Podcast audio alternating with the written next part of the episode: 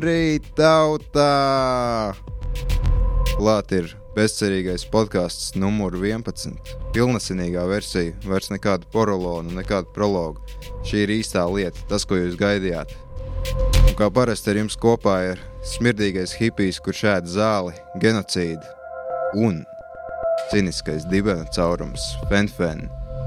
Šodien runāsim par pusotra mēneša laikā spēlēto redzētajiem jaunumiem, atbildēsim uz jautājumiem, vai vismaz mēģināsim atbildēt.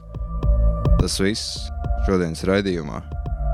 Droši vien lielākais jaunums, kas mums te ir, ir beidzot absorbējošie paneļi, tas, ko mēs gribējām. Patiesībā tie bija jau arī porolonā, bet. Uh, Tagad tie man krīt uz galvas. jā, tūlīt pārkārtosim. Jā, tagad, kad mēs esam atgriezušies pēc nelieliem remonta darbiem, es varu apsveikt genocīdu ar jauno intro. Ļoti autentiski, tikai mazliet vairāk vajadzēja tās stilistiskās kļūdas pieļaut, lai būtu pavisam autentisks uldona atveidojums. Jā, tas bija, man liekas, vairāk Jārāna atveidojums. ah, jā pareizi. Ai, man viņi ap divi jūka. Man kāds reizēm tas viens un tas pats cilvēks. Bet tik un tā mums bija unikāls piesitiens, jo es lietoju vārdu labrīt, nevis labdien. Nu, jā, beidzot ir absorbējošie paneļi. Tie, kas eh, ļoti rūpīgi klausās, gan jau dzirdēja atšķirību porolonā, bet es domāju, ka lielākajai daļai vienalga.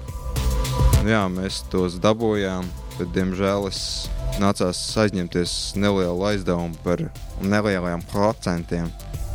Bet uh, es par vienu dienu saputrojos un uh, nepaspēju atdot naudu. Alga ne, ienāca dienu vēlāk, un tad uh, sanāca, ka procentu likme pieauga desmitkārt. Un, uh, nācās, diemžēl, atbrīvoties no vienas no savām nierēm, par ko es atcerējos tikai tad, kad uh, es biju Gatera koncertā. Patiesībā es nedzirdēju Gateru, jo es nepaspēju. Sanāca tikai streponu noklausīties, jo Gaters ļoti vēl spēlēja. Es lasīju, ka ar vienu nieru arī varot dzert alkoholu. Tas esot pilnīgi ok, bet, diemžēl, ne manā gadījumā. Es iedzēru šņabi. Man bija tāds kā kultūra šoks. Man liekas, ka šņabi dzer tikai no pudeles, vai nu pat aizsno no kakliņa, vai ja ir saviesīgs pasākums no salmiņa. Un es nesaprotu, kāpēc viņi man ielēja glāzē. Bet, nu labi, es izdzēru, un tad es atapos reanimācijā. Bez vienas nieras. Nu jā, es jau biju be- bez, à, bez otras. Ja. Tagad tā ir vienkārši plasmas maisiņš. Nu, jā, tas ir kā tehnoloģijas attīstās. Drīz mums vairs vispār nevajadzēs īsts orgāns. Es ceru, es uz to ceru. Un kāda ir tev jaunumi, Fenfen? Kāpēc tev ir eh, žurnāla galds, profila attēls tagad? À, nu tas ir ar cerību, ka mani potenciālai darbdevēji ienāks Strike LV lapā un ievēros manu izcilo produktu izvēli, kā arī secinās no tā, ka esmu ļoti lojāls IKEA impērijai, līdz ar ko paaugstinās manas cerības dabūt manu ilgi kāroto krāvēju darbu aizgaldā. Tā arī neesi dabūjis. Ai, N- Nē, nu man tur ir psiholoģiskais tests, tad tur ir noturības tests. Nu, tur ļoti daudz testu. Man esmu bijis vairākas reizes slepenā pazemes bunkurā Zviedrijā, kur man tur trenē uh, uzbrukuma gadījumiem. Oi, to laikam nevajadzēja teikt, bet, nu, jā, standarta tikā procedūra darba uzņemšanai. Tā kā tagad ir pēdējā palikusi stadija, intervija. Es ceru ļoti, ka mans gājiens ar profilu bildi palīdzēs man izturēt šo pārunu stadiju labāk. à, tu CV pēdējā sadaļā pie interesēm minēji darbu Strike LV kā brīvprātīgo darbu vai kaut ko tādu. Jā, un es rakstīju, ka genocīds man nostrādina, nostrādina. À, bet man vēl neviens nav references prasījis neko. Dīvaini, es gan norādīju tavu e-pastu, mājas adresi, telefonu numuru, arī vietu, kur tevi atrast getliņos un uh, tavs mīļākās kā brīvā laika pavadīšanas vietas. Nu, laikam neviens no spēcdienas tev vēl nav sasniedzis, laikam. jā. Es vienkārši esmu pārāk garlaicīgs. Es neesmu neviena prioritāte. Jā, žēl gan.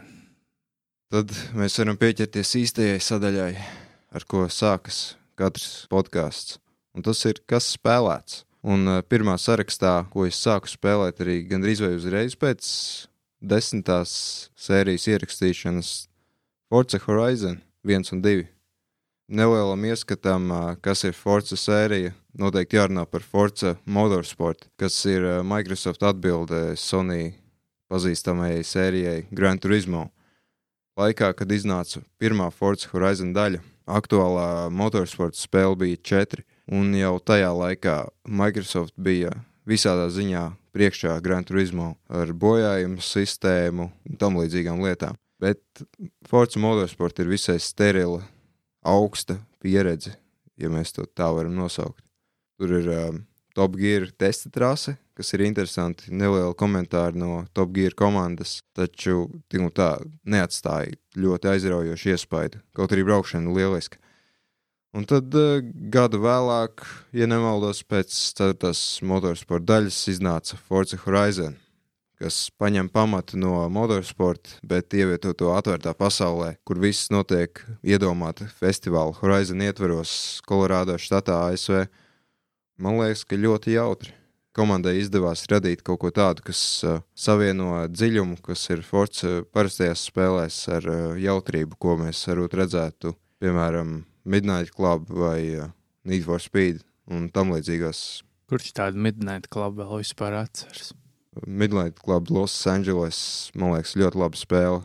Man liekas, viena no aizmirstajām rockstar spēlēm.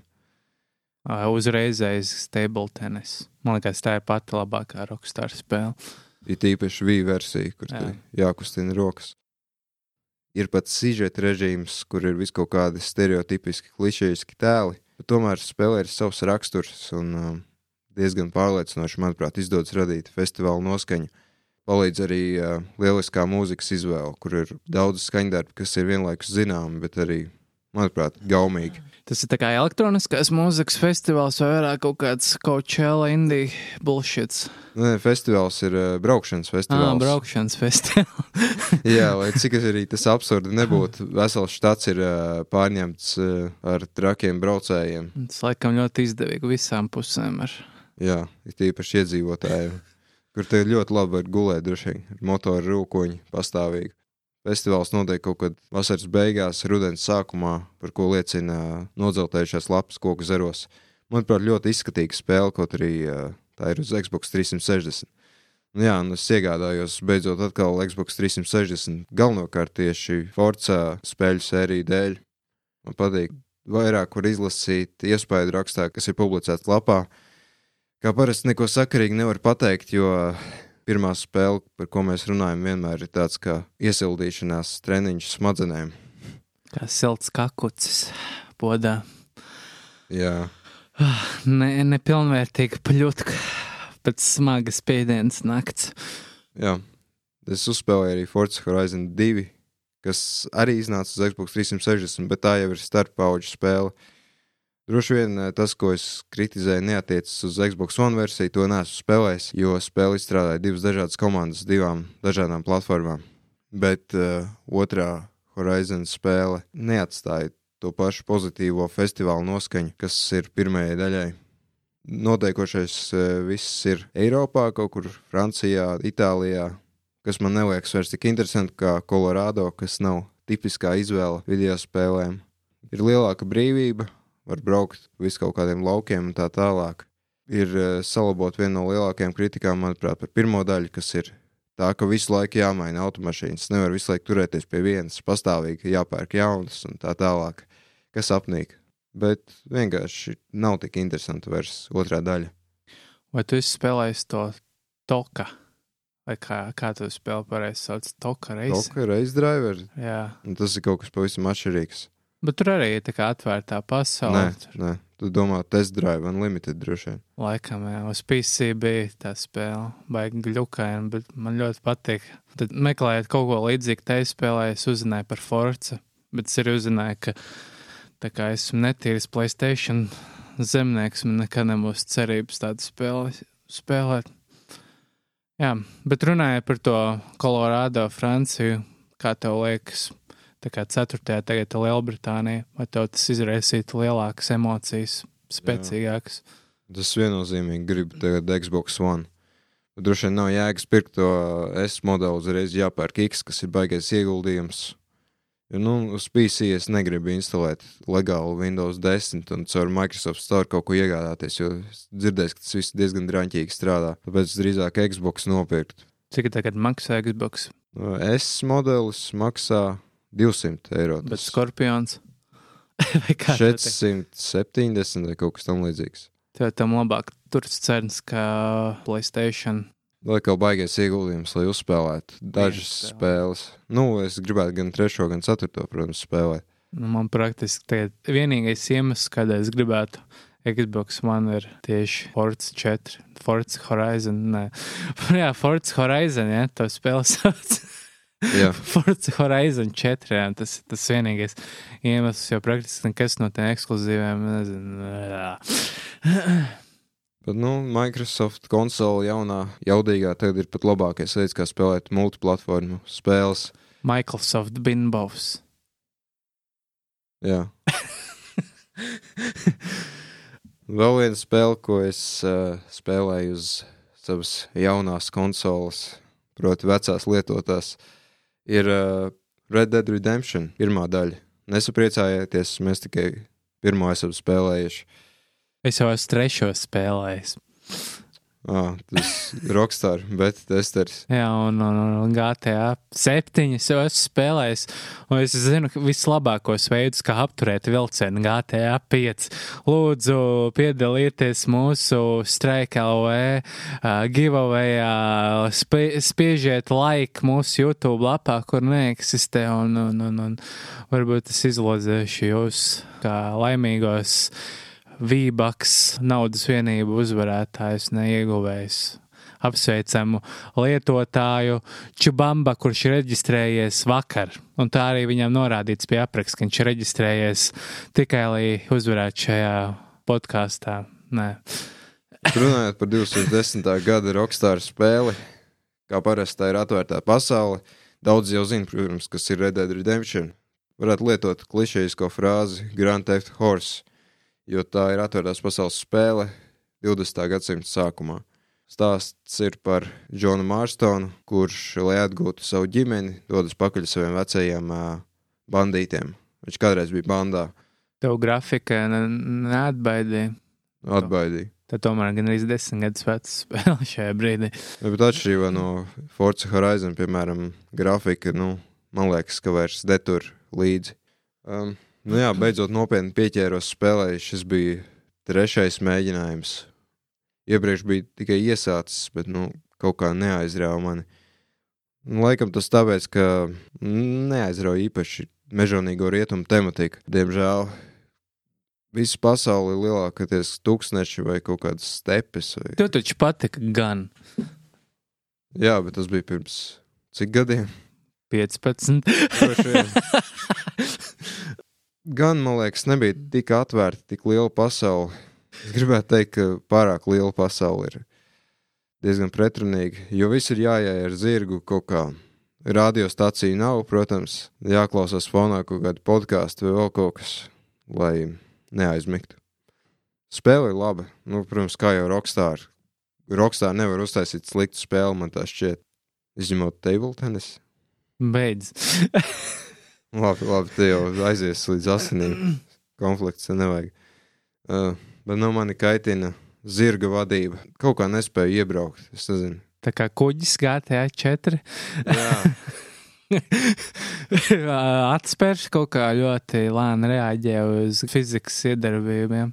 Tā kā GTA 4, ka mašīnas vienkārši izslīd lēnām braucot līkumos, tā arī ku, uh, zirgi izslīd līkumos.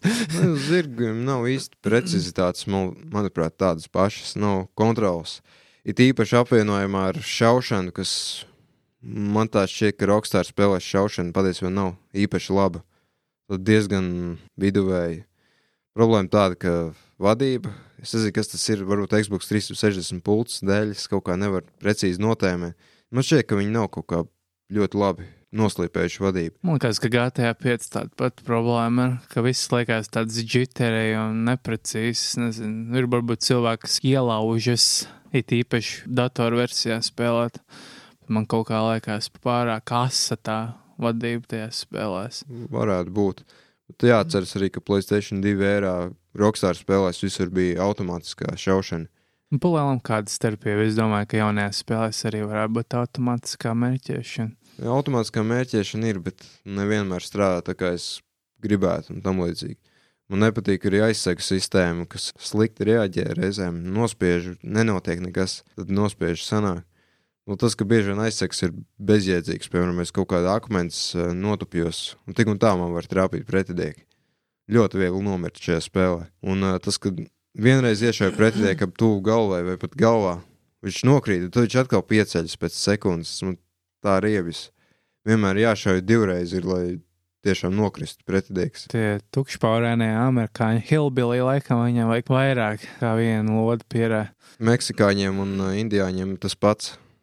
Nu, man liekas, viņi tur mazliet saulē piesviluši, tādēļ kaut kā neiedarbojās. Un es secināju, ka indiāņiem vajadzēja pat reizēm trīs šāvienus, lai viņi beidzot nokrist no savas zirga nolāpītā. Viņi tā kā Japāņi, kam ir kādas kaut kāda nenormālā.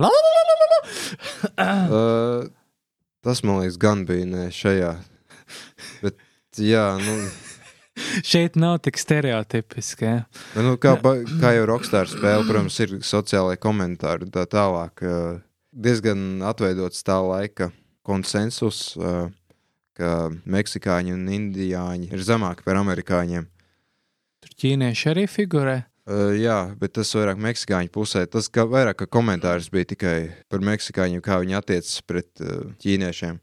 Those damn spick sticking or gerbs, eh? Uzdevumi ir tipiskie rockstāri.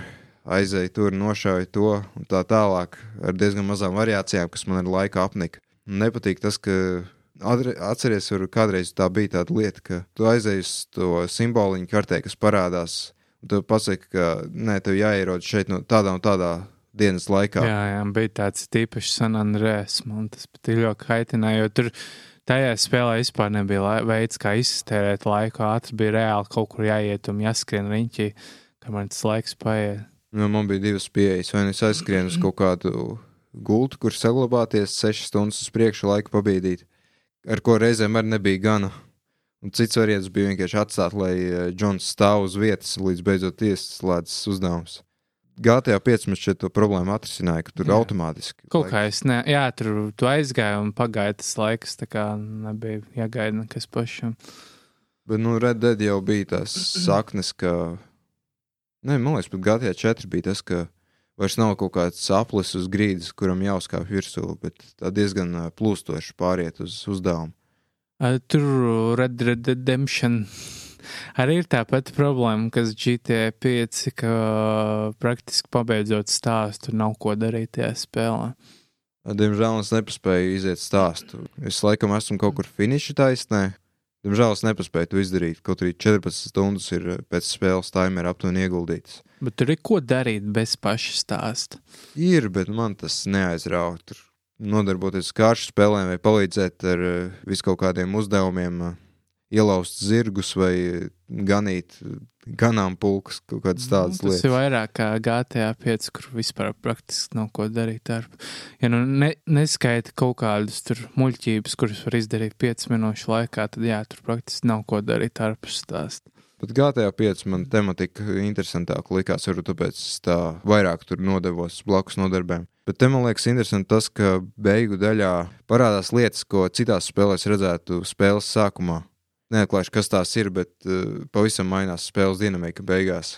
Kā jau teicu, nepaspēju iziet. Es nezinu, kas beigās pašās notiek. es Bet, domāju, ka viss zina, kas tur notiek Latvijā spēles daļā. nu, jebkurā gadījumā man likās interesanti, ka pavisam mainās dinamika. Un tu plāno arī zombiju DLC spēlēt. Nē, to gan ne. Es gribu vismaz iziet. Varbūt, ka šodien pat sanāks laiks kaut kad pēc podkāstu, visas tās taisīšanas, kas prasīs, nezinu, cik dafigā stundas. 15. Nu, ne tik daudz, bet jā. Man tā pārmaiņa likās ļoti atsvaidzinoša.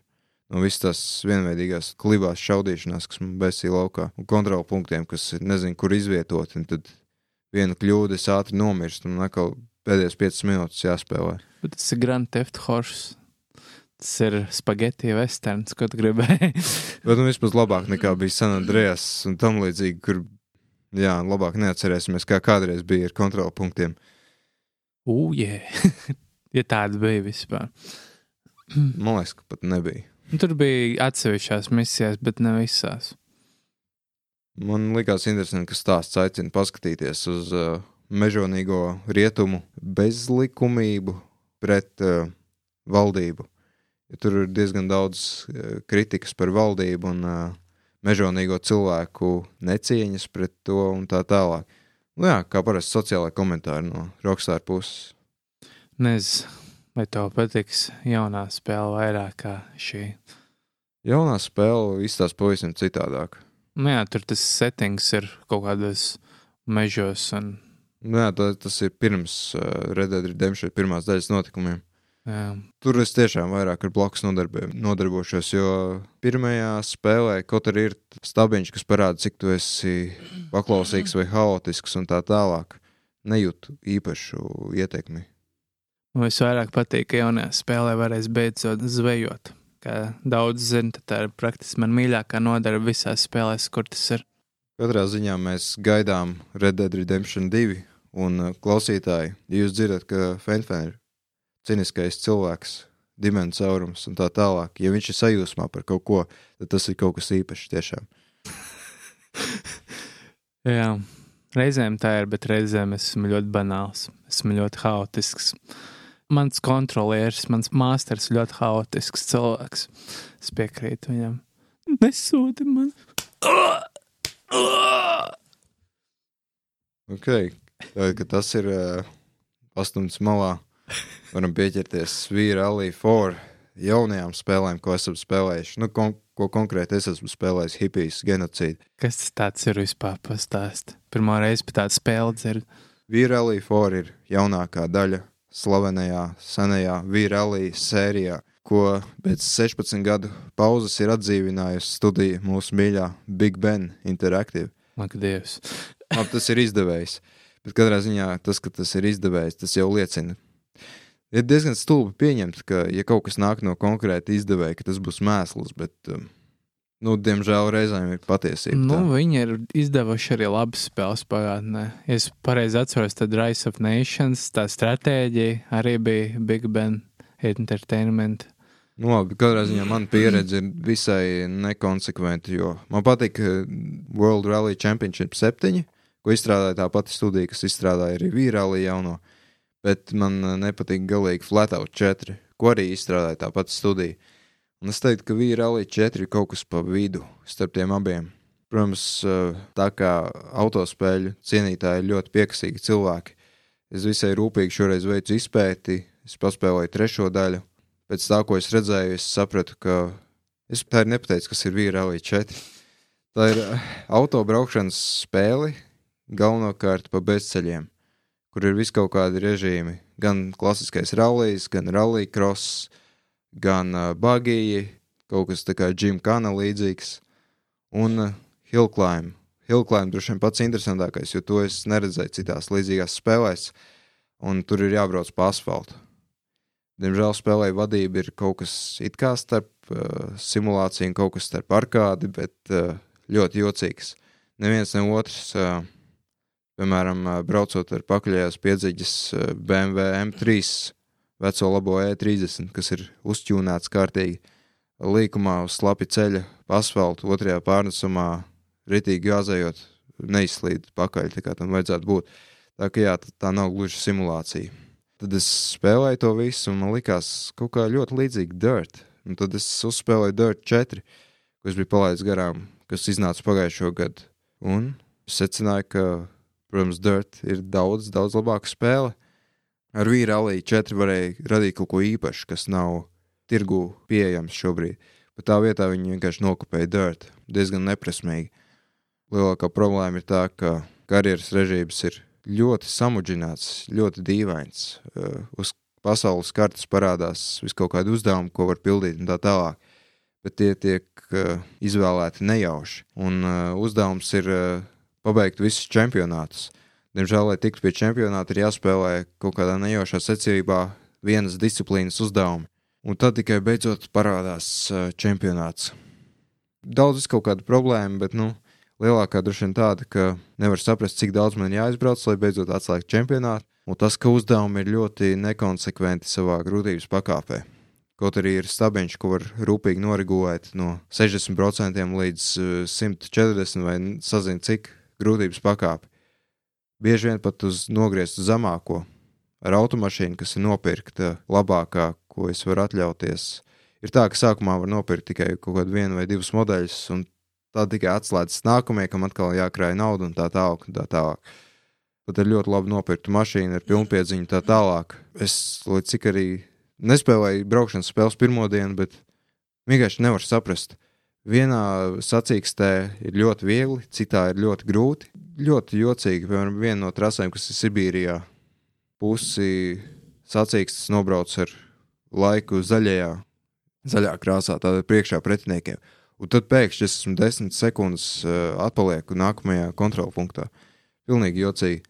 Tas pats ir ar uh, bagījiem, kur viens sacīksts, kas ir laikam kvalifikācijas braukšana kaut kāda, piemēram, pa to pašu trasi. Es nobraucu ļoti labi pirmajā vietā, jo ar bagiem ir tā, ka arī parādās viņu trases. Nav tā, ka sacenšamies tikai ar laiku. Pirmajā vietā, un tad es esmu neskapēc pēc laikiem septītais. Un tad es braucu otro sacīkstu, kas laikam ir ar spēcīgākiem pretiniekiem, kur viņi man atstāja aiz sevis uh, pirmajā līkumā. Un tad es esmu kaut kāds ceturtais beigās. Pilnīgs sviests. Nu, es nezinu, apskatā mazliet sīkāk es iegāju niansēs, bet jā, pilnīgi sviestaina spēle, teiksim tā. Un līdz ar to nav arī jautri spēlēt, un ņemot vērā, ka ir pieejams Dirt 4, es neredzu iemeslu iegādāties. Tur bija vēl kaut kādas dīvainības, piemēram, katram režīmam ir viens skaņdarbs, kas skan izvēlēs viens un tas pats katru reizi. Tā kā 90. gados. Jā, bet šeit ir problēma tāda, ka vēl ir dažām, tās ir, var nosaukt par dziesmām, ir teksti. Un jā, beigās viņi pievienoja, pēc tam, kad tas bija uzrakstīts, apskat arī iespēju ieslēgt instrumentālo mūziku. Bet tas tikko tā ir tas pats skaņdarbs, vienkārši bez vārdiem. Midi versija. nu, gan arī, jā. Nu, kaut kāda jocīga spēle. Es vēl gribēju piebilst, ka es sākumā, kad sāku runāt par šo Big Ben Games Es mazliet kļūdījos, runājot par Ice of Nations. To izplatīja Big Huge Games. Tas ir pavisam cits izplatītājs, un es šo mākslas darbu gan arī piedēvēju pilnīgam sūdam izdevēju. Bet, nu, labi. Laikam, jā. Mēs visi kļūdamies, it īpašais. Ja tad veicot izpētes arī uzspēlēju Virali 3 uh, uz Xbox 360 caur uh, iebūvētu emulātoru. Nu, jā, tur nācās šādus tādus trikus uztaisīt, lai to spēli dabūtu vispār strādāt, bet jā, diezgan gludi. Un uh, īstenībā ar Vīrāli 4 izstrādātājiem bija iespēja radīt kaut ko interesantu, unikālu, kas tagad nav. Proti, tīrāko, tā teikt, arkādas braukšanu. Tā kā Vīrāli 3, kur uh, super piedodoša vadība ir vienmēr paredzama, vienmēr kontrolējama. Diemžēl Vīrāli 4 aizgāja kaut kādā pilnīgi citā virzienā, mēģinot kopēt daudz labākas spēles. Jā, Vīralī 3 bija interesanti savā laikā ar to, ka tur bija karjeras režīms, kur jāparaksta līgumi ar dažādām komandām, jālasa ēpasti un tā tālāk. Salīdzinot ar tā laika Colin McRae 3, kas bija konkurēts, braukšana bija daudz, daudz prastāka, toties bija tas interesantais karjeras režīms. Šeit, diemžēl, Vīralī 4 nav nekā interesanta. Nākamais. Nākamā spēle sarakstā ir Shadow of the Tomb Raider. Bū! Jā, objektīvi runājot, ļoti laba spēle. Atķiksē visas uh, kastītes un tā tālāk, un fokus testēta droši vien līdz nelabumam. Bet tāpat kā ar iepriekšējām divām, es neesmu sajūsmā. Šajā gadījumā vēl mazākā sajūsmā. Līdz tādam uh, līmenim, ka es vienkārši nespēju pie samaņas noturēt sevi spēlējot Shadow of the Tomb Raider, kas ir uh, action adventure žanra spēle. Protams, kā jau viss, šaudāmies, skraidām apkārt un tā tālāk. Jā, man nācās pilnīgi dzert enerģijas dzērienu, kas ir nu, galīgi garām no veselības viedokļa, tā tālāk, lai es vispār spētu piespiest sev iziet to nolāpīto spēli. Tu raksturot šo spēli kā līdz ārprātam ģenerikam. Laikam, es domāju, varbūt tas kaut kā miega trūkuma dēļ vai kaut kā tam līdzīga. Tāpēc es biju tāds mazliet piedodošāks savā apskatā un tā tālāk. Bet tad es pats spēlēju citas spēles, un tas pašas problēmas nebija. Tas tāpat kā tev, laikam, ar Dragon Quest 11. Jā. Jā, tas tāpat situācija. Ka, nu, tas ir ļoti subjektīvi, protams. Iespējams, jums daudz labāk patiks, bet kaut kas, ko ņemt vērā. Nu, ja mēs atskatāmies uz pirmo triloģijas daļu, tad tā bija kaut kas īpašs. Tīpaši ņemot vērā, ka tā, nu, tas bija reboots jau mīlētai klasikai, un tur patiešām bija daudz jaunas lietas, kas tajā laikā vēl nebija līdz tam bijušas. Bet otrā daļa, kas bija pēdējā daļa, ko es pats personīgi spēlēju, es neko īpašu vairs tajā neskatīju. Pilnā. Nekā tāda super acīs grauzoša nebija. Un tad es pieņemu, ka trešā, ja cilvēki nedirš pamperīšos vēl aizvien par to spēli fórumos un vispār mēdījos un vispār tāda mēdīja outlet kā GameSpots un IGN par to spēli vispār klusē. Kaut arī tā nav pagājuši pat divi mēneši kopš tās relīzes. Es pieņemu, ka jā, ka šī spēle vienkārši ir līdz nelabumam ģenerika.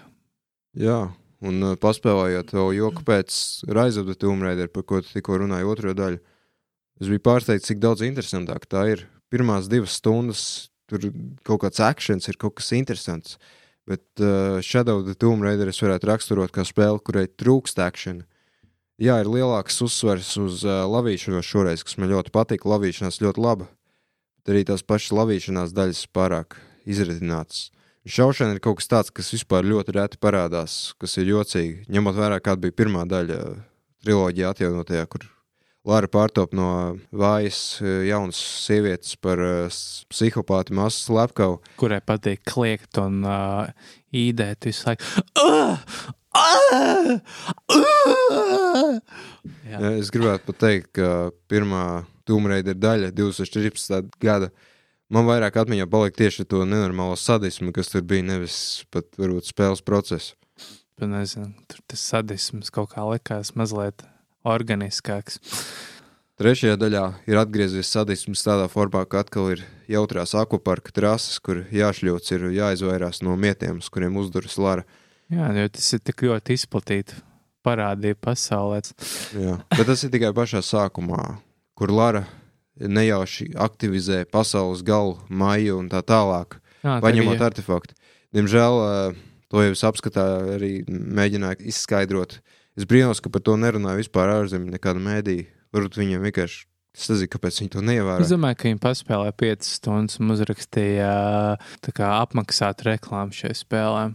Nu, varbūt, bet jā, tā, ka pasaules gals tūlīt būs.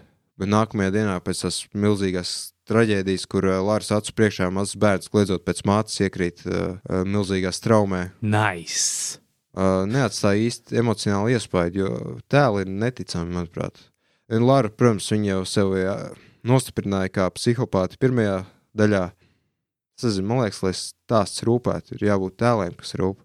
Palielam, jā, tur vajag būt kaut kādam pārdzīvojumam, ko tu vari savienot ar sevi. Nu, tā kā kaut kas, kas varētu notikt ar tevi. Mazliet fantastiskākā veidolā, bet tāpat, ja notiek kaut kas tāds šausmīgi bigger than world, nezinu, kā latviešu to nosaukt, tad es nezinu, kā to var asociēt ar tevi. Piemēram, Mass Effectā bija līdzīgi, bet tur atšķirībā no šādām spēlēm, tur bija vairāk arī tie mazie emocionālie piedzīvojumi, kas bija tieši attiecinām uz pašu to šepardu. Bet, nu, acīm redzot, šādās spēlēs. Es pats neesmu spēlējis, bet es saprotu, ka tur ir vairāk iekļauju to visu pasauli, ka tas ir tāds uz pašu personu, tas tā tik ļoti neatiecas. Tāds vairāk tāds, ok, Dievs, mēs visi mirsim, bet tai pašā laikā, nezinu. Nē, vairāk ir tieši tas personības fokus. Tur tā lieta, ka nav sajūtas, ka mēs visi tūlīt mirsim. It kā viņi aktivizēja pirmo fāzi no četrām katastrofai tā tālāk. Nu, Un, jau trīs paliek, ko tur uztraukties. un nākamajā fāzē, ko Lara pati pieredz savām acīm, eh, ir eh, milzīgā vētra. Nu, pirmā bija tsunami, pēc tam milzīga vētra, Wow! kas it kā izposta pasaules lietas, bet tomēr ne. Es, es pat nezinu, kā to raksturot. Tas ir kā jākuzas spēlēs. Ir kā tūlīt kaut kas liels notiks, jāskrien uz nākamo stāstu uzdevumu, bet tajā pašā laikā var aiziet karaoke, padziedāt vai palīdzēt kaut kādu kaķi nocelt no koka un tam līdzīgi. Varbūt tas vienkārši tā kā izstiept spēli garumā nevajadzīgi, varbūt tā tas ir domāts. Ah, tas par daudzām spēlēm, jā. Shadow Tomb Raider iziet aptuveni 15 stundas vajag, bet nu, es biju tik garlaikots, ārprāts. Man liekas, ka es 30 pavadīju. Ļoti daudz kaut kādas mantiņas izmētātas, visu kaut kādu dokumentu, ko palasīt un tā tālāk, bet tas viss man vienkārši nerūpēja, jo tas pārāk daudz. Pirmajā spēlē bija, man liekas, ļoti labs līdzsvars par tām atrodamajām lietām, vietām. Piemēram, ļoti patika tās Japāņu, tas bija Japāņu drupas visāds tur. Un tas ļoti tā, ļoti iespaidīgi izskatījās. Man ļoti patika izpētīt tās tas. Jā. Un tas bija interesanti, bet jā, es pieļauju, ja ir par daudz, tad ir par daudz. Nu jā, atšķirībā no pirmās spēles triloģijā, šī ir daudz atvērtāka. Ar to arī. Tomb Raider atšķiras no Uncharted, ka tā nav no punkta A līdz punktam B spēle, ka tur ir viss kaut kas, ko var darīt, skraidīt šurp turp un tā tālāk. Viņi kaut kā mēģināja eksperimentēt otrajā variantā ar šo mazliet. Jā, jā, bija lielāka, plašāka pasaule. Bet arī, manuprāt, zūd tas, uh, lietojot gudrus vārdus, narratīvais fokus, ka var aiziet nomaldīties, kaut kur palaupīt kaut kādus kāpnes, pašaut kaut kādus zvērus, kamēr it kā būtu jābūt pasaules galam un ja mums jāsteidzas, jāglābi, tur jāatrod otrs artefakts. Kā latviešu būtu vārds world buildings? Tas aspekts šajā spēlē trūkst tavām darbībām nav nekādas ietekmes uz tavu apkārtējo pasauli. Nekas nemainās no tā. Nu, jā, Tiksim, nemainās pārējo tēlu attieksme pret tevi, nemainās kā, vizuālais noformējums līmeņiem. Kā tu vienkārši skrien, kaut kādu figņu izdari kaut kur. Un viss tāpat dzīvo tālāk savas dzīves, ieskaitot tev pašu. Tas pats arī bija Dragon Age 11, ka tu izdari kaut ko šausmīgi, drausmīgi, uh, bet praktiski nekas no tā nemainās. Nu, jā, nu, tur varbūt kaut kā ir tajos dokumentos izskaidrots, tāpat kā tas, ka à, šajā spēlē, kas man bija kritika par aizvadu Tomb Raider otro daļu, ka ir kā Krievijā, Sibīrijā viss notiek, bet cilvēki runā angliski. Tas jau normāli. Nu, labi, te, tagad ir iespēja uzlikt, ka viņi runā savā dzimtajā valodā. Šoreiz atvērtajā pasaulē daudz vairāk cilvēku, ar kuriem mīja darboties. Ir tā, mēs uzsākam sarunu, cilvēks runā savā valodā, Bet atkal Lāra atbild angliski vai krieviski, vai vienalga kādu valodu jūs uzlikāt. Tas man liekas tā baigi jocīgi. Tas tā kā GTA 4 arī, ka Niko un Romāns runā savā starpā angļu valodā. Nē, nu labi, šeit ir citādāk tas, ka viņš runā savā valodā, Lara runā savā angļu valodā, tas kaut kā galīgi jocīgi. Bet, nu, labi, tur kā ir izskaidrots kaut kādā viena dokumenta, ko es atradu, kāpēc cilvēki prot angļu valodu. Tajos Amazonas džungļos, kur notiek lielākā daļa spēles. Uh, Šis iemesls ir. nu, es neatklāšu. Spoileris. Uh, bet atkal ir lieta tāda, ka tie divi iezemieši, ko mēs satiekam, kas ir svarīgi stāstā, viņi neskapēc savā starpā runā angliski arī ar milzīgu akcentu. Bet, ko? Kāpēc tad ir tā izvēle ieslēgt, ka cilvēki runā dzimtajā valodā? Bet tas neatiecas atkal uz sižetām svarīgiem tēliem. Nu jā, tas ir tas arī world building, arī tā, tas elements, ka pilnīgi tā detalizācija ir neeksistējoša. Netiek ievērota tā konsistence, teiksim, tā kā tu teici, tie divi varoņi runā angļu valodā savstarpēji, lai viņam tas nebūtu jādara. Mm, reāli arī atmosfēra nekāda nav līdz ar to, ka viņi visi runā Nako. amerikāniski. Nākamā pārsteigums, kā ārzemju mēdī vispār šo nepiemina. Nu, bet tas nav svarīgi. Tas ir tas angļu centriskais tas uzstādījums, ka visam jābūt angļu valodā. Ja nav angļu valodā, tas ir dīvaini. Nu, vēl tas, ka es vienkārši dzirdu, ka Lāra nerunā tā kā briti runā tur, oi, meit, blaimī un kraikī un tā tālāk, bet labi, tas. Tā ir piesiešanās. tas tāpat kā aizdotu Tomb Raider. Kāpēc viņi krievi nevarēja būt tie, kas runā? Krieviski. Angliski. Angliski arī. Jā, jo nu. tik daudz krievu pasaulē, kāpēc nevar noalgot krievu? Noteikti latviešu? viņi būtu arī lētāki kā darbinieki. es domāju, ka nē, bet es domāju, ka viņi vismaz autentiskāk izklausīties. Teiksim, nereti ir dzirdēts, ka vienkārši acīm redzot, tas cilvēks, kas ierunā tos krievus, nu viņš nav krievs, viņš nekad nav runājis krievs, jo viņš tik šķērsā runā tajā krievu valodā, pilnīgi nesaprotam. Man liekas, Brendons Freizers tajā filmā, kur viņa tā vēlnienu padarīja par uh, Kolumbijas narko baronu, viņš pat autentiskāk tās savus trīs vārdus Nihujasibjā pateica. Nezinu, tā ir piesiešanās no viena aspekta, bet no otras aspekta tas ļoti čakarē to autentismu, kaut kā cilvēku, kas dzird tās lietas kaut kā Nu, jā, bet viņi vispār atrast kaut kādu vecu VDK aģentu, kas ir uh, ekspatriējis uz ASV, un viņam likt ierunāt. Nu, jā, viņam rindas. tāpat nav ko darīt. Nē, es redzam, nesaprotu, tik daudz naudas tiek iztērēts spēļu izveidē un tā tālāk, bet Tomēr vairāk iztērēts ir mārketingā, nevis pašā spēlē. arī jā, diezgan liels procents mārketinga aiziet. Nu jā, diezgan neskaidrs sabārstītas domas, es te saku par spēli, tāpēc labāk vienkārši izrakst. Izlasīt apskatu, kas ir lapā straika.cl. Ja nezinājāt, ka tāda lapa pastāv un jūs klausāties šo kaut kur citur, Kā tas ir iespējams? nu jā, pagaidām tas tiešām nav iespējams. Tā. Es domāju, ka mēs varētu ķerties pie pašas, pašas svarīgākās spēles, beidzot, ko esam spēlējuši. Ko es aizbīdīju uz video, nu, tā ir vienīgā spēle, ko tu esi, man liekas, ka tagad spēlējis kopš Nu, es, es skatījos arī, kā man sieva spēlē Life is Strange 2, bet tagad par gaisa kondicionieru, jeb Assassin's Creed. Jociņi. Jā, tā kā runāja par šo spēli, man ir ļoti dalīts domas. Sākotnēji es domāju, o, oh, ļoti forši, ļoti forši. Bet nu, man mazliet sabojāja tās domas, ko es izlasīju Jim Sterlinga lapā un arī dažos citos outletos. Protams, ne mainstream, jo mainstreams pilnīgi ignorē šo apstākļu. Bet tad es paspēlēju tālāk, šīs tā kā dalītās domas mazliet izlīdzinājās par labu, drīzāk labām kā negatīvām domām. Nu, tā kā es teiktu, 80 pret 20 vai pat 90 pret 10, kur lielākā daļa ir pozitīvi aspekti.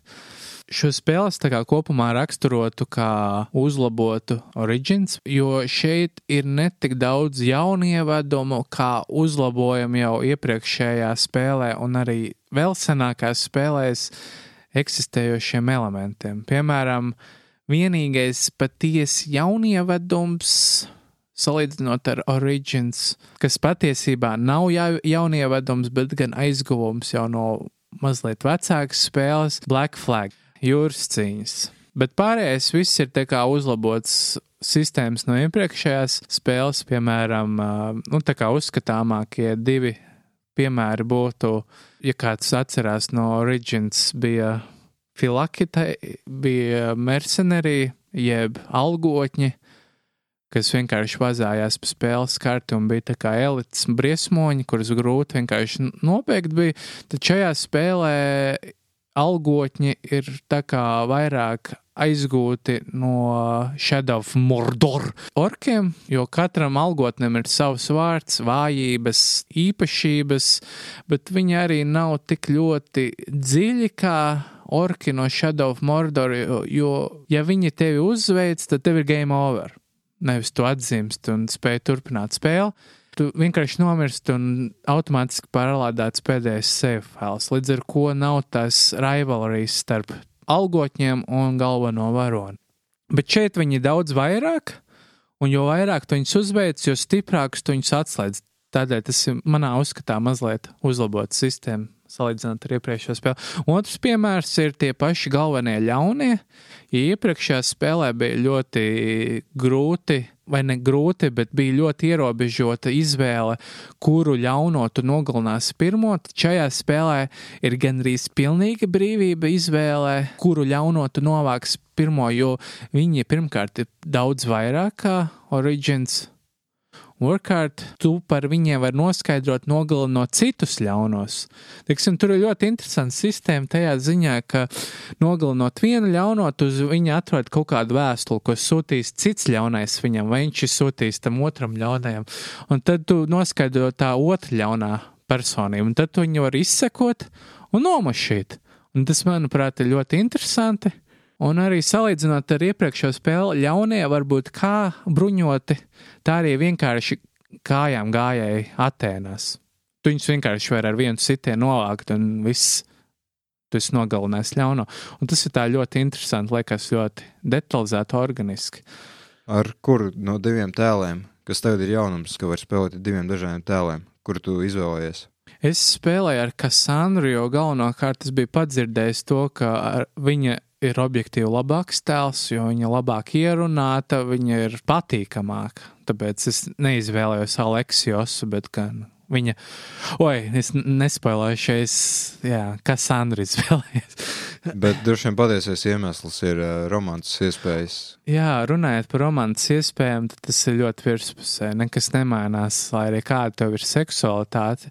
Atsevišķos gadījumos parādās iespēja šegot random NPC parādās sirsniņa pie kaut kādām tekstu izvēlēm, kas arī ir jaunievedums, starp citu, šajā spēlē. Un tad vienkārši aizkadrā notiek seks, bet tas ir tā, ka tu pat nedzirdi neskaņu, nekā vienkārši viņi aiziet un uzreiz atnāk atpakaļ un ar to viss aprobežojas.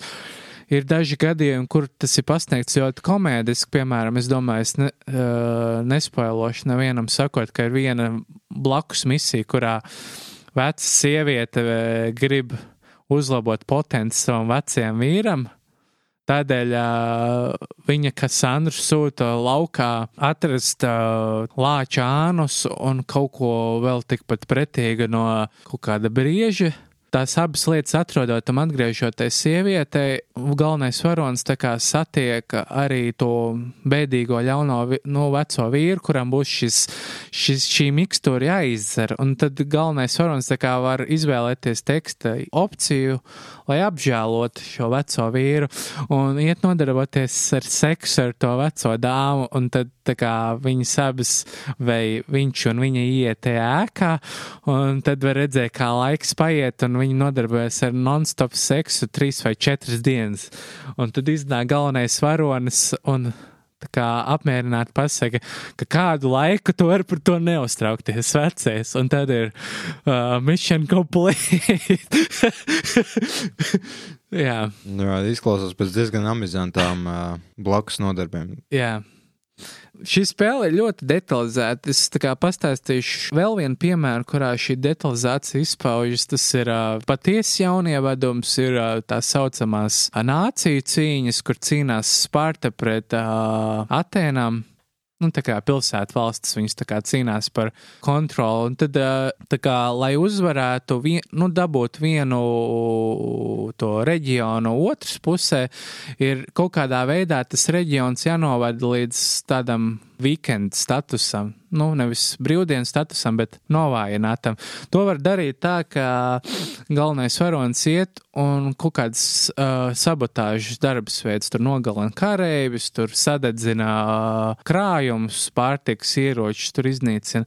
Un tad, kad ir sasniegts šis status, tad uh, varonis var iet arī nogalināt. Um, to nācijas nu, reģiona va vadoni.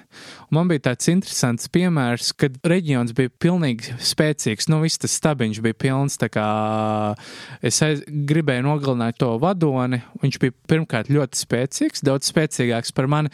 Viņam bija ļoti daudz uh, miesas sarga, arī ļoti spēcīgi elites pretinieki. Bet te, kad es biju novēdz tos uh, reģionu līdz uh, kā, pavājinātam statusam, šo uh, nu, tā kā vadoni atrada kaut kādā ceļa malā, netīrā būdā, ļoti zemu līmeni un bez neviena miesas sarga. Viņš vienkārši sēdēja uz kaut kādas lupatas un kaut ko eh, bārdains, netīrās drēbēs, kaut ko tur bubināja. Es neko tam līdzīgi nebiju redzējis, tā kā nevienā spēlē, nu, tik ļoti detalizēts, tā kā cilvēks vienkārši noslīd no augstākā statusa uz vienkārši bombas ceļa malā, viss ar viņu ar vienu. Es tā kā viņu izrubīju, Un tā kā arī vēl viena jauna sistēma, ka tu vari rekrūtot uh, neletāli piekautos pretiniekus uh, darbam uz tavu kuģa kā kuģa apkalpi. Es viņu vienkārši kā savu kuģa apkalpes dalībnieku rekrūtoju. Un viņš tagad uz manu kuģi strādā. tas bija, nu, tas ļoti tā kā pozitīvi. Jā, bet kopumā sakot par šo spēli, es teiktu, ka šī spēle ir daudz dziļāka. Origins netiek, šī pavisam cita spēle, bet šī spēle ir patīkami uzlabota daudzajādā ziņā. Vai tu jau izgāji spēli? Nē, es esmu ieguldījis 30 stundas šajā spēlē, bet man liekas, es neredzu galu vēl šai spēlē. Un kas arī ir galvenā kritika, arī no Džima Sterlinga, ka tā liekas ir ļoti izstiepta garumā ka ir ļoti grūti uzvarami pretinieki, un trešais ir tas, ka ir ļoti grūti sasniegt jaunu līmeni. Tā kā tas notiek mm. ļoti lēni. Nu jā, tāpēc, ka tev vajag nopirkt XP būstu. Jā, tāpēc, ka tev vajag nopirkt XP būstu, bet paspēlēt šo spēli vairāk kā 5 minūtes, kā to acīm redzot, ir darījis mīļotais Jims Sterlings, tad es vairāk saprotu, ka tā ir vairāk balansēšanas kļūda, nevis apzināts mēģinājums piespiest tos īsceļus izmantot, jo pirmkārt tās mikrotransakcijas ļoti mazas, ļoti ierobežoti, un pielietojums arī ļoti mazs, jo spēle ir tikai tik gara, cik tā spēle ir. Tā kā es pieņemu, ka cilvēki, kuri zina, uz ko viņi iet, spērkot šo spēli, arī vairāk vai mazāk apzinās, ka viņiem būs jāiegulda daudz laika šajā spēlē. Viņi arī ir pēc rakstura daudz pacietīgāki, kā arī, nu, saprotat, ka šī spēle ir RPG, Līdz ar to es pieļauju, ka absolūti lielākā demogrāfija, kas šo spēli spēlē, ir tieši tikpat pacietīga kā es. Un tā kā galu galā progress nav tik lēns, kā to mēģina uzpūst daži šie kreisie mediji. Es nezinu, kreisie, labējie, vidējie, vienalga. Alternatīvie. Alternatīvie mediji, jo es tam nepiekrītu. Varbūt būs jā, tie 11 gadnieki, kuriem ir ļoti zems, tas zema spēja saglabāt uzmanību, uzmanību jā, kuriem vajadzēs tos būs. Bet tas nav nekas jauns, tas jau ir Battlefieldā un daudzās citās spēlēs šie izceļi bijuši. Tā kā es pilnīgi nepiekrītu šim apstākļam, ka tas ir apzināts gājiens. Drīzāk problemātika tieši saistīta ar balansēšanu. Tas ir mans skatījums, varbūt katrs spēlētājs citādāk to uztver. Nu, protams, svarīgākais jautājums, kad mēs varētu kaut kādu apskatu gaidīt vai kaut kādas domas. Jā, par spīti tam, ka es esmu nospēlējis 30 stundas un esmu iznīcinājis vienu no ļauno atzariem. Es tāpat tā kā nejūtos gatavs vēl sniegt savu galveno vērtējumu. Tā kā es ceru, ka nu, nākamās nedēļas ietvaros varētu būt jau apskats, bet es pieļauju, ka tāpat līdz tam brīdim vēl nebūšu paspējis spēli iziet pilnībā, bet nu vismaz sniegt apskatu par to, ko piedzīvos absolūti lielākā daļa spēlētāju, kas šos produktus iegādāsies, manuprāt. Un jā, jums jārēķinās ar to, ka Fanfans spēle dabūja tikai iznākšanas dienā. Ka... Jā, ņemot vērā, ka nu, spēle ir gara un ātrie igauņi nebija pārāk ātri, tad jā, spēles apskats mazliet ievilksies. Piedodiet! Tad laikam varam ķerties pie nākamās spēles sarakstā, kas ir Jakuza Kivami 2. Jakuza ir sērija, par ko es esmu ļoti daudz runājis. Man liekas, pat pāris cilvēks, kas strāika lasa, piesaistīs tai. Tā ir piedzīvojumu, asižeta spēle, action adventure, kā jau, protams, visas gadrīz ar nopietnu sižetu, bet nenopietnām blakus nodarbēm. Nenopietniem tēliem. Nē, es tam nepiekrītu. Man liekas, ka Kazuma Kirju ir viens no foršākajiem tēliem, ko es zinu. Galvenais varonis šajā spēlē.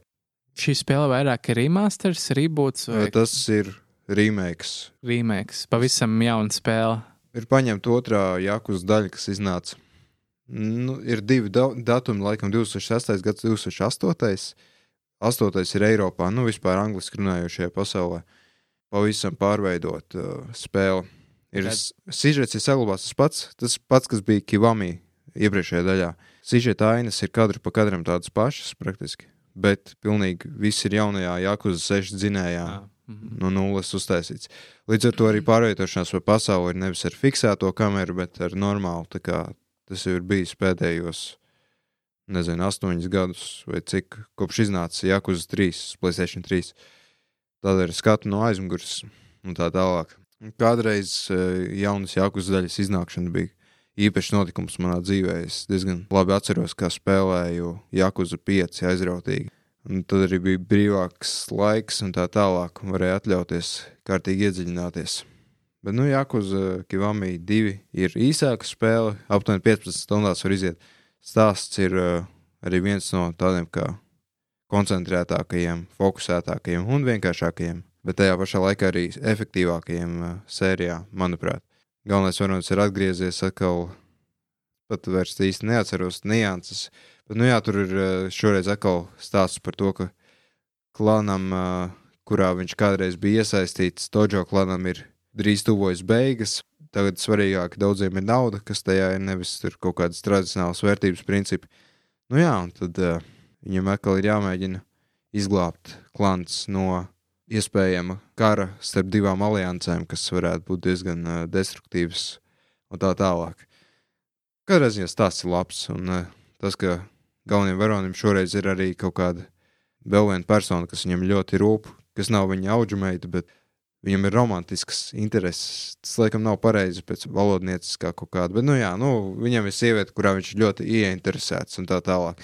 Un tas padara visu stāstu interesantāku, jo tas man šķiet, ka vairs īsti neatkārtojas Jakuz sērijā.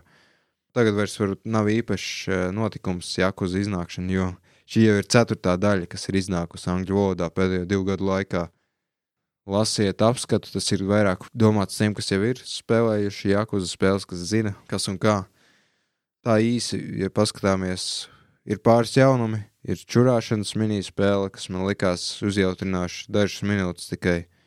Ir fotografēšanas režīms, kas ir līdzīgs tam, ko mēs rādījām Jakuza 6 video live chat, kur ir jāfotografē. Nu, patiesībā, kas ir jādara, ir jāveido teikumi kaut cik sakarīgi, lai uzmundrinātu to dzīvo video meiteni, kas ir priekšā, it kā pārliecināt viņu novilkt ar vien vairāk drēbi. Bet, protams, tas neaiziet tik tālu, neuzdrošinās Japāņi. Neuzdrošinās Japāņi. Viņam pedofili bija ļoti ilgāki. nu, šī ir video spēle. Man liekas, ka tur kaut kādas tomēr robežas ir. Bet vai tu tā kopējo jakuza stāstu neraksturo nopietnu, bet tajā pašā laikā ar to Japāņiem raksturīgo pamuļķības piesitienu? Kā... Nu, tas, jā, tas ir, protams. Bet, nu, pašā pamatā galvenokārt stāstus raksturo tas, ka tie ir nopietni. Bet, teiksim, tur ir tādas dumjas nianses, teiksim, tas pats tas bērnu nams, man liekas, reāli dumšs piesitiens. Es nezinu, Piedod, tev tāds neliekas. Es, es nepiekrītu, jo nu, bērnams tomēr Kirju pats uzauga kā bārenis, un viņam ļoti rūp. Bet visa tā dinamika starp tiem bērnam, iemītniekiem un Kirju likās tāda super nenopietna. Nezinu, tā kaut kas tāds, kas reālajā pasaulē, es šaubos, vai eksistētu. Kā ņemot vērā, ka tas ir nopietns stāsts un tam līdzīgi vai būtu kā, no Japāņu varas iestādēm pieļaujams nu, šāds bērnu nams, kurā ir tik vāja uzraudzība par iemītniekiem. Es nezinu, kā. Tur nav vērts iedziļināties. Tas tāpat kā. Nē, nu jā, protams, protams, bet vairāk tā, ka nesaskata to mazliet to muļķību. Nu, protams, ka ir, bet tā ir video spēle. Tur tāpat kā tā iespējamība, ka divi kaut kādi klānu bosi gribēs izkauties eh, dūrēm, jo Tas ir kaut kāds goda jautājums, vēl kaut kas. Ja vienkārši varētu paņemt izlūku pistoli un nošaut. Nu, labi, labi, tas tāpat ir tas plot device, tāpat tas tā kaušanās ar dūrēm. Citādāk jau nebūtu tas, ja kuras tā ir. Nu, Unikalitāte tā... kaut kāds. Tā, nu, jā, ja tur vienkārši viss šaudītos, tas būtu, tas nezinu. Japāņu GTA kaut kas tam līdzīgs. Katrā ziņā, ja jums patīk Jākos, jūs nopirksiet Kivamī divu, nav jautājumu. Ja jums nepatīk, tad jūs ignorēsiet. Tāpat kā līdz šim ar visām tām spēlēm, ko esmu rakstījis jau 30 gadus. Jā, pēdējā spēle mūsu sarakstā ir Life is Strange 2, ko šoreiz Fenfen atteicās spēlēt, jo viņam tā likās pārāk liberālistiska. Tieši tā. Tā ir atkal kārtējā piedzīvojuma spēle, kaut kas līdzīgs kā Walking Dead tajā stilā. Nu, tādā ziņā, kā atbildēt uz dažādām sarunām, izvēlēties, kā notiks stāsts un tā tālāk. Bet tās izvēles ir diezgan iluzoras. Tas strādā tikai pirmo reizi, kad jūs spēlējat. Šī ir viena no tām tā saucamajām epizodiskajām spēlēm. Un uh, šobrīd ir iznākusi tikai pirmā no piecām sērijām, ja nemaldos. Nezinām, kad iznāks nākamās. Nu, jā, šoreiz stāsts neturpina pirmās Life is Strange notikumus, jo tagad ir runa par pavisam citiem tēliem, citām situācijām. Uh, Protams, ir atsaucis arī uz Life is Strange un tā tālāk. Lielākā kritika tāda, ka spēle ir pārāk politiska. Īstenībā man liekas, arī šis podkāsts pārāk politisks. Es brīnos, ka mūs virtuāli nenoliņķoja par to prologu sēriju. Man liekas, ka bija diezgan pozitīvs atsauksmes par to. Jā, tas ir jocīgi. man tas priecē, ka ir eh, līdzīgi domājošie mūsu klausītāji vidū. Laikam. Laikam, jā. Reizēm es apšaubu, ka cilvēki saprot, par ko mēs runājam. Varbūt viņi vienkārši par mums pasmējās. Tas arī ir pozitīvi. Viņi vienkārši uzmodrināja. Viņiem vienkārši žēl, ka, mēs šitā izšķiežam savu laiku. Tad. Varbūt arī. Bet, nu, citādi, ja mēs pievēram uz to visu acis, man liekas, ļoti interesants stāsts. Neizbojāšu, kas tur notiek, jo tur diezgan uh, smagas lietas notiek. Nē, sākumā jau var izstāstīt. Man liekas, tas jau ir noprotams. Nu, sākās ar to, ka tas vienkārši galvenais varonis. Viņš ir kautrīgs pusaudzis, un viņš grib ar meiteni vakarā satikties ballītē un tā tālāk. Kaut arī es nesaprotu, kāpēc viņš grib kaut kādu meiteni, ja viņam ir diezgan forša jau draudzene. Bet viņi vairāk ir tādi kā BFF. Es nezinu, tas čels, tas tēls liekas pārāk neticams. Tā, tā ir mana otra lielākā kritika. Tāds pievilcīgs latino twinks. Tā kā ir uztaisīts par mazu emo puiku, kurš ir nūģis un nodarbojas ar skiču skricelēšanu uz burtnīcas malām.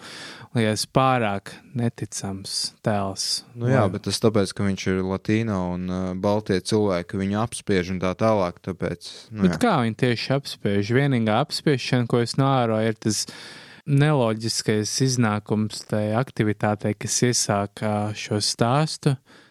To es jau minēju, apskatīju ļoti daudz tādu mazu, mazu situāciju, kas liek noprast, ka spēle grib veidot tādu kā viedokli. Nē, tas sākums nebija maza situācija. Tas bija tāds diezgan. Tāds... Nē, es runāju par mazajiem epizodiskiem kaut kādām lietām, kas kaut kādā vēstulē parādās, vai kā kāds noformulē savu teikumu un tā tālāk. Es lieku noprast vienkārši, ka baltais cilvēks ir slikts. Tur jau tā lieta, ka šī kā stāsta spēle, ja tas stāsts ir tik ļoti politizēts un ne jau labi iemesli dēļ, es domāju, ka tas ir vairāk vienkārši, lai pievērstu Tumblr feministus un uh, citus uh, SJW cilvēkus, uh, lai šo spēli iegādātos un spēlētu, tad, tad reāli tad nav jēga šai spēlē, manuprāt. Tas ir tik ļoti milking on the subject, nu vienkārši, sorry, ļoti aizskārs šī, šīs spēles tas stāsts. Es ceru, ka otrā epizode būs mazliet piezemētāka šajā ziņā. Bet par to, kas tēlu liekas neticami. Nu jā, tu minēji kaut ko tādu, ko es nebiju iedomājies, ka viņš ir diezgan pievilcīgs zēns un tā tālāk. Bet uh, tēli ir interesanti. Varbūt mums liekas neticami, tāpēc, ka mēs pirmkārt nedzīvojam ASV, otrkārt mēs vairs neesam nekādi pusauģi. Bet um, tas, kā tēli ir izveidoti, kā viņi ir ierunāti, viss, manuprāt, super nostrādāts. Un... Nē, la, labs ir tas ziņa izvēle. Tagad, tas, ja nemaldos, iet uz Unreal Engine 4, Before the Storm arī.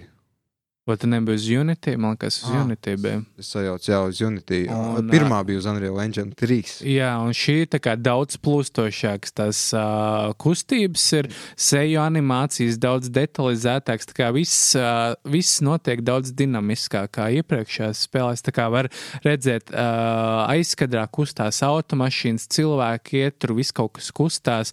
Tas ir ļoti pozitīvi. Es vērtēju šo jaunievedumu, bet tas ir vienīgais labais, ko es pagaidām varu pateikt par šo spēli. Nu, jā, katrā ziņā pirmā trešdaļa ir vienkārši kāpinājums tam, kas notiek konfliktam. Pēc tam pārējās divas trešdaļas ir uh, vienkārši stāsts par to, kā divi brāļi veido savas attiecības. Un būtībā, jā, meksikāņi viņi bēg no kaut kādas ļoti sarežģītas situācijas. Tad uh, lielais brālis ir maziem tā kā tēvs. Tā tas viss notiek. Uh, kas man nepatīk, ir, ka dažas lietas man liekas pārāk izstieptas. Es saprotu, ka vajag parādīt, jā, ka viņi stundām ilgi iet pa ceļa malu kaut kur gar mežu. Tas viss ir montāžs, ir parādīts, bet kaut kādas lietas, kur beidzot jā. mēs kustinām savu tēlu, vadām viņu, piemēram, meža sekcija, droši vien redzēja arī nedaudz no tās. Man liekas, pārāk izstiepta. Jā, tur bija tādi muļķīgi iesprādumi, kas tā parāda, ka tie varēja arī nebūt. Jo praktiski no tām apmaiņām starp abiem tēliem nekas nemainās. Jā, es jau pamēģināju, piemēram, iemācīt mazajam zēnam, kā mest akmeņus ūdens virsmu, lai lec vardītas, laikam tā to Nu, latviski sauc. ņemot vērā to situāciju, kādā viņi ir, tas ir pats svarīgākais, ko varēja tādā situācijā izdarīt, manuprāt. Nu, labi, kaut kā. Nu, kaut kā viņam laiks jānosit ir. nu, kāpēc ienosīt laiks šādā situācijā? Nu, mazais zēns jau nesaprot īsti, kas notika tādā ziņā, un tāpēc lielajiem vajag radīt to drošības sajūtu mazajā. Nu, Bet es redzu, uz ko iet šis stāsts. Beigās būs tā klasiskā apmaiņa. Ah, tu man neteici, tu man piekrāp, un viņš aizskries un pazudīs. Piemini mans vārds, kādā no epizodēm šis notiks. Tā parasti notiek. un Es nezinu. nu, es nezinu, katrā ziņā man ir interesi redzēt, kas būs tālāk. Jā, Bet runājot par tām lietām, kas ir uh, Life is Strange raksturīgas, kaut kādi īpašie elementi. Tā kā pirmajā Life is Strange bija laika attīšana, prīkvelā bija runāšana pretī, Jā viņai nebija nekādas spējas un praktiski. uh, Adventures of Captain Spirit, kas ir tāds arī kā iestarpinājums pirms otrās daļas, arī ar ne nesaistītiem tēliem par alkoholiķu ģimeni un tā tālāk. Tur gan parādījās kaut kādi īpaši elementi. Tur bija spēja ar prātu kaut kā telekinēzi, tā to laikam sauc. Un izskatās, ka tas būs arī otrajā Life is Strange, bet uh, pagaidām vēl nav iespējas to izmantot. Nu, jā, diezgan stulbi, ka es nezinu, kad būs nākamā sērija, kad būs pēdējā sērija.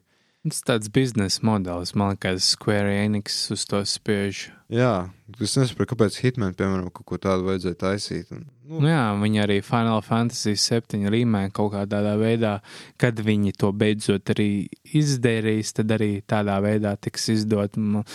Es nezinu, tas laikam, lai dabūtu pēc iespējas ātrāk naudu. Es nezinu, citu iemeslu šim, šim gājienam Īstenībā ar šo mēs arī varētu ķerties klāt pie ziņām. jāpalielinām.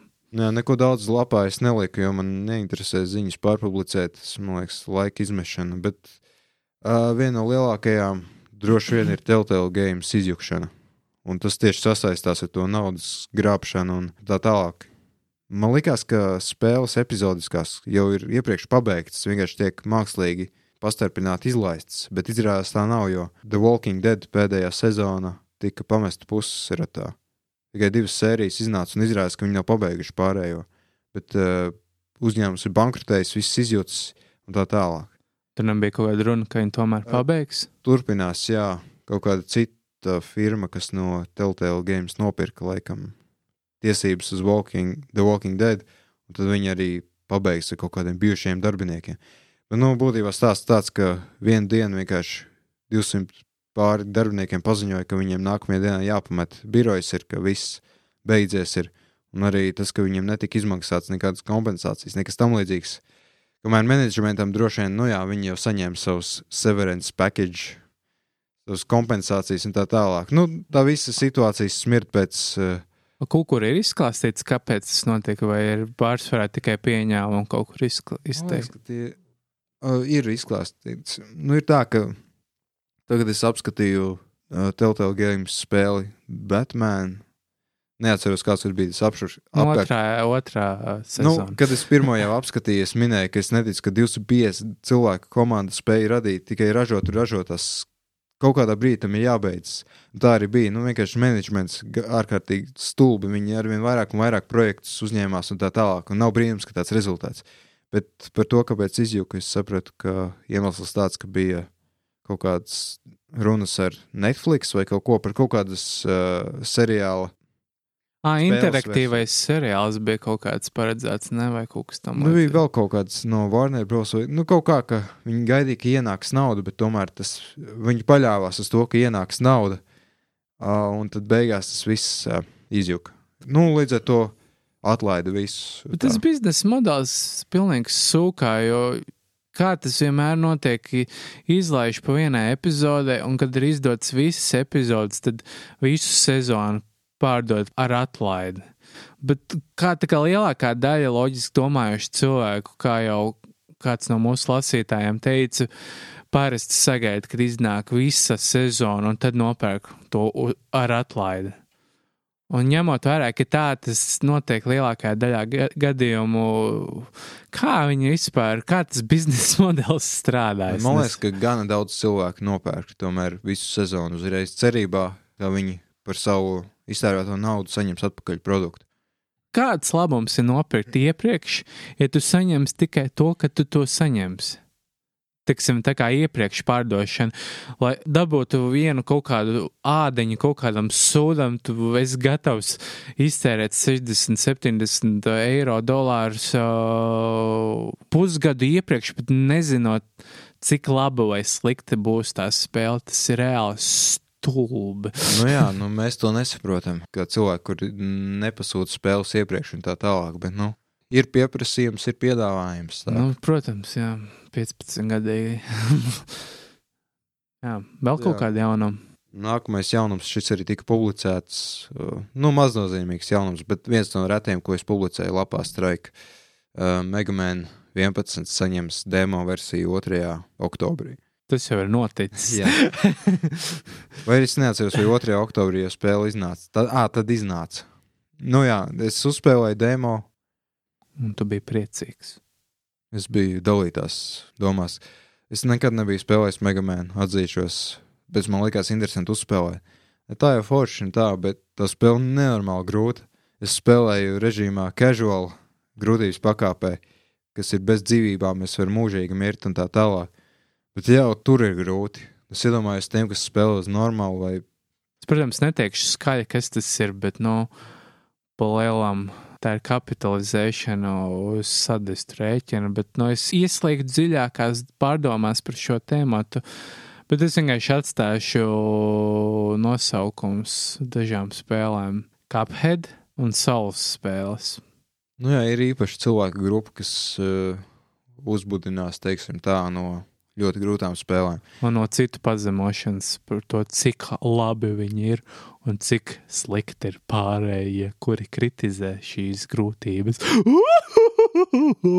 Es iesaku paskatīties Jinquisition, tos video, kurā viņš pasmējās par šiem elitistiem. Kā tur bija Amieldu kaut kas. Jā, tie ir retie smieklīgie Jim Sterlinga produkti. Nu jā, es laikam pie viņa humora arī pats esmu pieredzējis, bet nu arī es atzīstu, ka nav ļoti smieklīgi. Nu jā, Megamēna ir uh, platforma, lēkāšanas, šaušanas spēle ar skatu no malas, 2D, plaknē viss notiek un tā tālāk. Bet tā ir 3D spēlē. Jā, grafika ir 3D, bet darbojas 60 kadriem sekundē, 10, 80p pat uz Switch. Wow. Nu, jā, es ieteiktu lejupielādēt demo, pamēģināt. Tas neko nemaksā. Vienīgi mazliet jūsu laika, kaut kādu pusstundu vajag, lai izietu to vienu līmeni, kas tur ir. Un uh, gala spēlē ir astoņi līmeņi. Es pats nopirku arī pilno spēles Switch, bet nu, es pagaidām nerunāšu, jo esmu tikai divus līmeņus izspēlējis. Nē, nu, ir forši patiesībā, un tie, kas uh, zina, kas ir megamēni, viņi saka, arī šī ir veiksmīga daļa. Bet, jā, nu, kaut kāda apskata vai domas, tas, kad man būs laiks, tad varbūt es arī uzrakstīšu. Kad es būšu izspēlējis visu pirmkārt jau. Tagad tur var atslēgt kaut kādus ieročus, uzbrukums, kā Metroidvania spēlēs. Jā, katru reizi, kad pieveic bosu, iegūst īpašo spēju, kas ir atvasināta no tā tēla. Piemēram, piebeidzot pašu pirmo blokmēnu, kas ir arī demo versijā, ā, spēlētāji iegūst spēju pārslēgties ar labo triggeri uz citu megamēnu formu, kur viņš var no gaisa mest ā, bloķus. Jo parasti megamēns var šaut tikai pa labi vai pa kreisi, tad viņš var arī no gaisa mest. Nu, tas noder dažās situācijās, citos vēlākos līmeņos un tā. Šo spēli izstrādā kas tieši? Capcom un izdod arī 30 eiro maksā. Fiziskā versijā ir arī uz Playstation 4 un Xbox One, bet uz Switch tikai digitāli. Nākamais jaunums Sony izziņo Playstation Classic. Un kā jau es rakstā minēju, viņi atkal atkārto un atgādina, kā vispār Playstation radās. Ka viņi vienkārši paņēma sadarbības augļus, kas bija ar Nintendo, izjuka šo projektu un pašu savu konsoli uztaisīja. Nu, pārējais ir vēsture. Mēs redzam, ka tagad Playstation 4 ir dominējošā platforma un tā tālāk. Kādas spēles tur būs uz tā aparāta? Nu, tad būtībā aparāts ir miniatūra konsoles versija, tāpat kā Nintendo izlaida NES mini un tā tālāk. Glorificēts emulators. Jā, būs 20 spēles, ieinstalēts iekšā, ko saprotu, nevarēs papildināt. Protams. Nu, jā, pagaidām ir zināmas tikai 5. pats galvenais Ridge Racer Type 4, kas ir ļoti laba spēle. Man pašam pat ir īstais oriģinālais disks. Tā ir viena no piecām, kas ir pagaidām izsludināts. Tālāk bija Jumping Flash, nekad neesmu spēlējis. Final Fantasy 7. Wow! Nu jā, diezgan iespaidīgi tā ziņā. Bet, nu, tā ir pirmā versija. Nē, jā, protams. Vēl kaut kas pārējos neatceros. Nu, nebūtiski. Kaut kāds tur vēl RPG. Nu, es neatceros tiešām. Bet atšķirībā no NES, NES spēlēm, manuprāt, pievilcība sarūk, jo šis ir 3D spēles, kuras reāli izskatās pēc pakaļas. nu, jā, Playstation eh, un Nintendo 64 paudze ir tā, ka nu, 3D spēles bija zīdaiņa autiņos diezgan neveikli un tā, bet tomēr Ridgeways ir Type 4, vēl aizvien laba spēle. Es par pārējām nevaru runāt. Es nezinu, Final Fantasy 7 vai vēl aizvien laba spēle.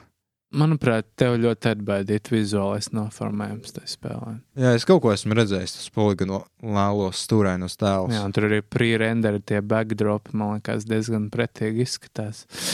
nu jā, miniatūrā konsoles versija nāks ar divām pultīm, kas ir USB ar USB galu. Playstation pirmās pults versijas repliks. Nu, bāc, viņam bija iespēja iekļaut dual šoku. Un tad būtu dārgāk vienkārši. Līdz ar to arī tādas spēles kā Ape Escape, par ko daudzi sajūsmā, tieši kur vajadzēja uz DualShocks, tad tā droši vien ka nebūs. Vai arī, ja būs, tad viņi izdomās izlaist kaut kādu par papildu samaksu DualShock versiju. Nu. Cik maksā ap 100 dolāriem? Jā? 100 dolāri, 100 eiro. Jā, 20 spēles, kas, nu, tādā ziņā, man liekas, ka nespēlēm nav nekādas vērtības. Vienkārši var, nezinu, ko izdarīt. Bet Playstation spēlē tomēr ir Final Fantasy. Tas sanāk 5 eiro par spēli, ja mēs ne- neskaitām apatūru. Man liekas, ka diezgan labs. O kā deals. nespēlēm nav vērtības? Tos kārtrīdžus daudz grūtāk atrast kā Playstation spēles. Nu Jā, bet NES jau ir cik reizes emulēts. Es esmu, man liekas, pat uz mobilā telefona, uz Java mobilā telefona, telefonā esmu spēlējis NES emulātoru. Nu, Nezinu. Tas varbūt no cilvēka atkarīgs. Es vairāk slēgtos uz NES, NES to mini versiju. Jā, SNES gan es piekrītu. Tur ir tādas zināmas spēles kā Super Metroid un jā. jā. Link to the Past. Tur, jā, man liekas, tas ir vislabākais. Un tas maksā 60 eiro. Vismaz tā sākuma cena bija tāda paredzēta. Bet vislabāk būtu, ja viņi vienkārši izlaistu universālu emulātoru uz jaunākajām attiecīgajām konsolēm, teiksim, uz Switch, un tu varētu vienkārši pirkt spēles, kuras tev interesē, nevis tur kaut kāda super maza selekcija ar kaut kādām trim spēlēm. Nu, Kāds... Tas jau ir bijis pagātnē, un tas galīgi garām bija. Pa pieciem dolāriem pirkt. Nē, pa pieciem spēles. dolāriem, nē, nu labi. Jā. Labi, nesminīgi. Ja tu samaksā tiešām tos 60 eiro, un tu dabū 30 spēles, tas sanāk 2 eiro par spēli. Tas jau ir ok. Tas pats es nesminīgi. Tas jau ir labāk, bet, nu jā. Nu, grūti teikt, tas ir ļoti subjektīvi, vai ir vērts maksāt tādu piķi vai nav. Man liekas, ka nav. Interesanti tas, ka uz uzhakota nesminī var uzinstalēt nesminī operētāju sistēmu. Būtībā pārveidot to par nesminī. Tas nav kaut kāds Raspberry, kaut kāds pi- pai. Vai... Nē, nē, tas ir ārma vienkārši čips kaut kāds Jā. lētais ķīniešu, tur 500 MHz vai cik. Labais. vai gigahertz. Nu, vienalga. Būtībā Android kaut kāda līmeņa dzelža. Nu, man liekas, ka mūsdienās jebkuru ierīci varētu pavilkt. Jebko, ko ir snes, nes Jā, mūžā. Pat arī Nintendo 64 spēles mierīgi varētu pavilkt. Man uh, nē, nē, ar Nintendo 64 sarežģītāk. Tāpēc arī man pašam ir īstā apertūra. tur ir turbo grafiks. Nu, tur ir kaut kādas lietas, ko nespēju pareizi emulēt. Piemēram, tas pats Road Rash 64, ko mēs spēlējām toreiz neveiksmīgā video, ko noskatījās ar 20 cilvēku. Optimistiski runājot. Tas vienkārši uz emulatoriem, cik es esmu spēlējis, tur viss kaut kādas problēmas ir. Grafisko interfeisu un tā tālāk. To ir grūtāk emulēt. Varbūt arī tāpēc Nintendo tā arī nav izziņojuši savu N64 mini. Katrā ziņā būs Playstation Classic. Nākamais jaunums - Facebook izloze. Tas bija interesants eksperiments. Bija sociālais eksperiments. jā. Jā, nu, būtībā no Igaunijas atveda pāri ar visu kaut kādiem merchandisiem. Varēja man vienkārši visu sadot. Nu, nē, mums tomēr ir pienākums, man liekas, ja mums atsūta, tad jātaisa ir izloze. Varētu izlozēt un man pasludināt par uzvarētāju. Nu, Tādā pat nebūtu, ka likt visus tos piekariņus un birkas un Tāpat Dragon es Quest va- piespraudus. Es vairāk novērtētu visu to figņu, kā tie cilvēki, kas to ieguva. Varbūt. Bet no savā ziņā baigi stulbi. Man neviens neprasīja, vai es gribu vienkārši atsūtīt. Nu, labi. Un tā kā accessori bija ar Tomb Raider un ar Dragon Quest tematiku, bet man neviens neatsūtīja Dragon Quest, ko izlozēt. Un Tomb Raider es savu promo disku biju gatavs izlozēt. Nācās nopirkt Dragon Quest 45 eiro. Jēzus, Marija. Un, uh, tā kā ne visiem ir Playstation 4, es domāju, ka arī PC spēles jāpiedāvā. Un tad uh, tika laimēts Monster Hunter World plus 33 eiro vēl man izdevumi. Tad vēl Mārcis samaksāja par Facebook reklāmu. Nu, būtībā jūs saprotat, diezgan liels cipars par uh, testu vienkārši. Jā. Secinājumi tādi, ka, nu, ja Facebook nav palaists reklāma aktīvi, kas visur spamo, cilvēki vienkārši nepamana. Un paskatieties, konsoles LV ļoti labi strādā. Nu, jā, viņam ir 700 sekotāji vai 710 kaut kas tāds. Tur tas varbūt strādā. Bet arī kāds no tā labums, jo es secināju, ka straika mums bija ieguvums. Viens pastāvīgais lietotājs mums ir klāt no tā. Kaut kā 25% klāt sekotāji Facebookā, bet nu, tam nav nekādas vērtības, jo nepārprotiet man, es negribu nevienu apvainot, bet ja izlozē piesakās cilvēki, kuriem ir Facebook profilā lietotāja vārds ir rakstīts Kirilītas burtiem, es domāju, ka viņi nav īstā streika auditorija. Nu, tā iemesla dēļ, ka labi viņi saprot latviešu valodu. Ļoti ierobežot. Automēni saprot, kas ir apskatā rakstīts, bet viņi neiebrauc niansēs. Tas tāpat kā es varu igauniski lasīt apskatus. Es, jā, es sapratīšu, kas tur ir teikts, un tā vairāk vai mazāk, bet tad, kad es niansēs nespēšu iebraukt un tā tālāk.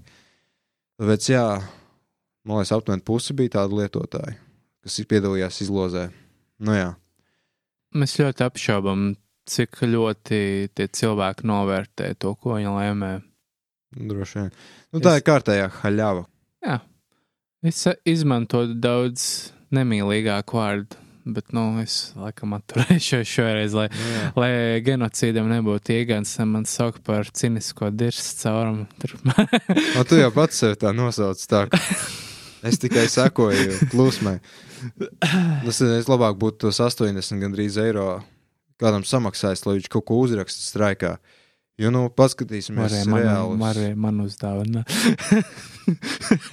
Jā, tad tu varētu pārpublicēt ziņu rakstus no citām lapām. Jā, Tas būtu ļoti vērtīgi. jā. Bet par 80 eiro arī kāda spēle iziet. Bet, nu, labi, es arī eh, es atdevu tikai daļu no tiem eh, struntiem, ko mums atsūtīja no Igaunijas. Tad, kad eh, beidzot veikals video games saņemsies, ieliks savā lapā tos struntus, tad jums būs arī iespēja aiziet uz turieni, nopirkt tos un eh, atbalstīt straiku. Mēģināt mums atsist atpakaļ tos izlozes izdevumus. Nu, jā, jo nu, mums ir tāda vienošanās, ka es aiznesu viņiem to visu uz realizāciju, un tad daļa naudas uh, atnāks atpakaļ. Tas būtu jauki, ja kāds arī to atbalstītu. Bet nu, tas tikai tad, kad viņi beidzot saņemsies. Un jau nedēļas stāv tas viss. Viņi nav, viņiem viss, kas jāizdara, jāuzliek cena, jāuzšauj ar pistoli virsū, jāieliek mājaslapā. Bet, nu, Es domāju, ka Harijs pārāk aizrāvies ar video spēļu muzejā. Jā, Jā, savu muzeju uzturēšanu. Bet viņiem daudz kas ir. Viņiem ir ļoti daudz spēles internetu lapā, kuras nav pieejamas, ir nopirktas. Tā kāda jēga no tās spēles tajā lapā, vienkārši lai čakrētu man smadzenes. Nē, nu, tā jau ir visiem internetu veikaliem. Tur ir milzīgs katalogs, bet ļoti maz kas ir uz vietas. Bet vispār, jā, apsveicam. ā, Viens labums tāds, ka ir beidzot aktualizēta Facebook lapa, un tur arī kaut kas tiek pārpublicēts. Tā kā kaut kāda klikšķi arī atnāk uz straiku lapu. Bet, nu jā, iegūms nav liels. Nu, katrā ziņā ne 80 eiro vērts iegūms, manuprāt. Bet, jā, video games ir attaisījuši muzeju otrajā stāvā. Es jau nezinu, vairākus mēnešus viņiem prasīju, kad beidzot būs vaļā. Nē, mums tur nav laika, tur, nu, tas pats, tā pati situācija, kas ar šiem šķuntiem, ko es viņiem aizdevu. es īsti neiedzinājos, tur tikai ir maksas apmeklējums. vai Jā, ja nemaldos, 3 eiro. Wow! Es te labāk uz kara muzeja aizēju. Bet, nu jā, 60 aparāti, konsoles, visādas, ko var apskatīt. Uh, daži spēļu automāti, ko uzspēlēt, Playstation 2, kur var Mortal Kombat uzspēlēt. Es tā arī neesmu tur bijis personīgi. Pats tur prasa, kad būs vaļā, un vēl aizvien nav bijis. Nu, ciemos. tipiskais latviečs runā vienu, bet dara citu. Bet katrā ziņā konsoles LV uztaisīja interviju. Jā, Jā. Katrā ziņā ir vērts tur šodien aiziet, atbalstīt kaut ko tādu, jo, nu, kā jau intervijā bija teikts, Harijs, uh, video games īpašnieks, viņš jau aizrāvās ar to visu video spēļu padarīšanu. Pirms bija visi youtuberi, streameri un tā tālāk. Jā, viņam jau bija tā arkāde eh, uz Mati- Matijas O, jā. ielā. Un tad nekas tāds vairs neatkārtosies. Es gribētu kaut vai braukšanas spēli tur augšā, bet nu, viņam vienkārši nav vietas tur. Jā. Tie tik bija laiki. Starp citu, tā ir tā māja, kurai Fēniks un kur uh, ir uz pašu brīvības Matīs. Tur, tur kādreiz bija ārkārtīgi ļoti jautri. Haha, Jā, tas viss par brīnos, no kurienes viņam tik daudz automātu bija. Un nozaga gan jau kaut kur. no GoPlanet, jā. 150 kg smagu nozaga aparātu. Varbūt aizņēmās nedēļas nogali, tāpēc tik ātri bankrotē viss tas pas. Jā. Jā, A, tur taču arī bija veikals viņiem, ne? bija, Vai bija pirmajā stāvā. Tur bija tas atceros čels, kuram arī teica, nu, ne nada. Tā kā es biju atnācis, viņš bija ļoti dusmīgs uz mani par kaut ko. Tie tik bija laiki. Nu jā, vēl viens pēdējais jaunums, kas mums ir, ko es arī strēku lapā ieliku. Jauna Switch versija nākamgad.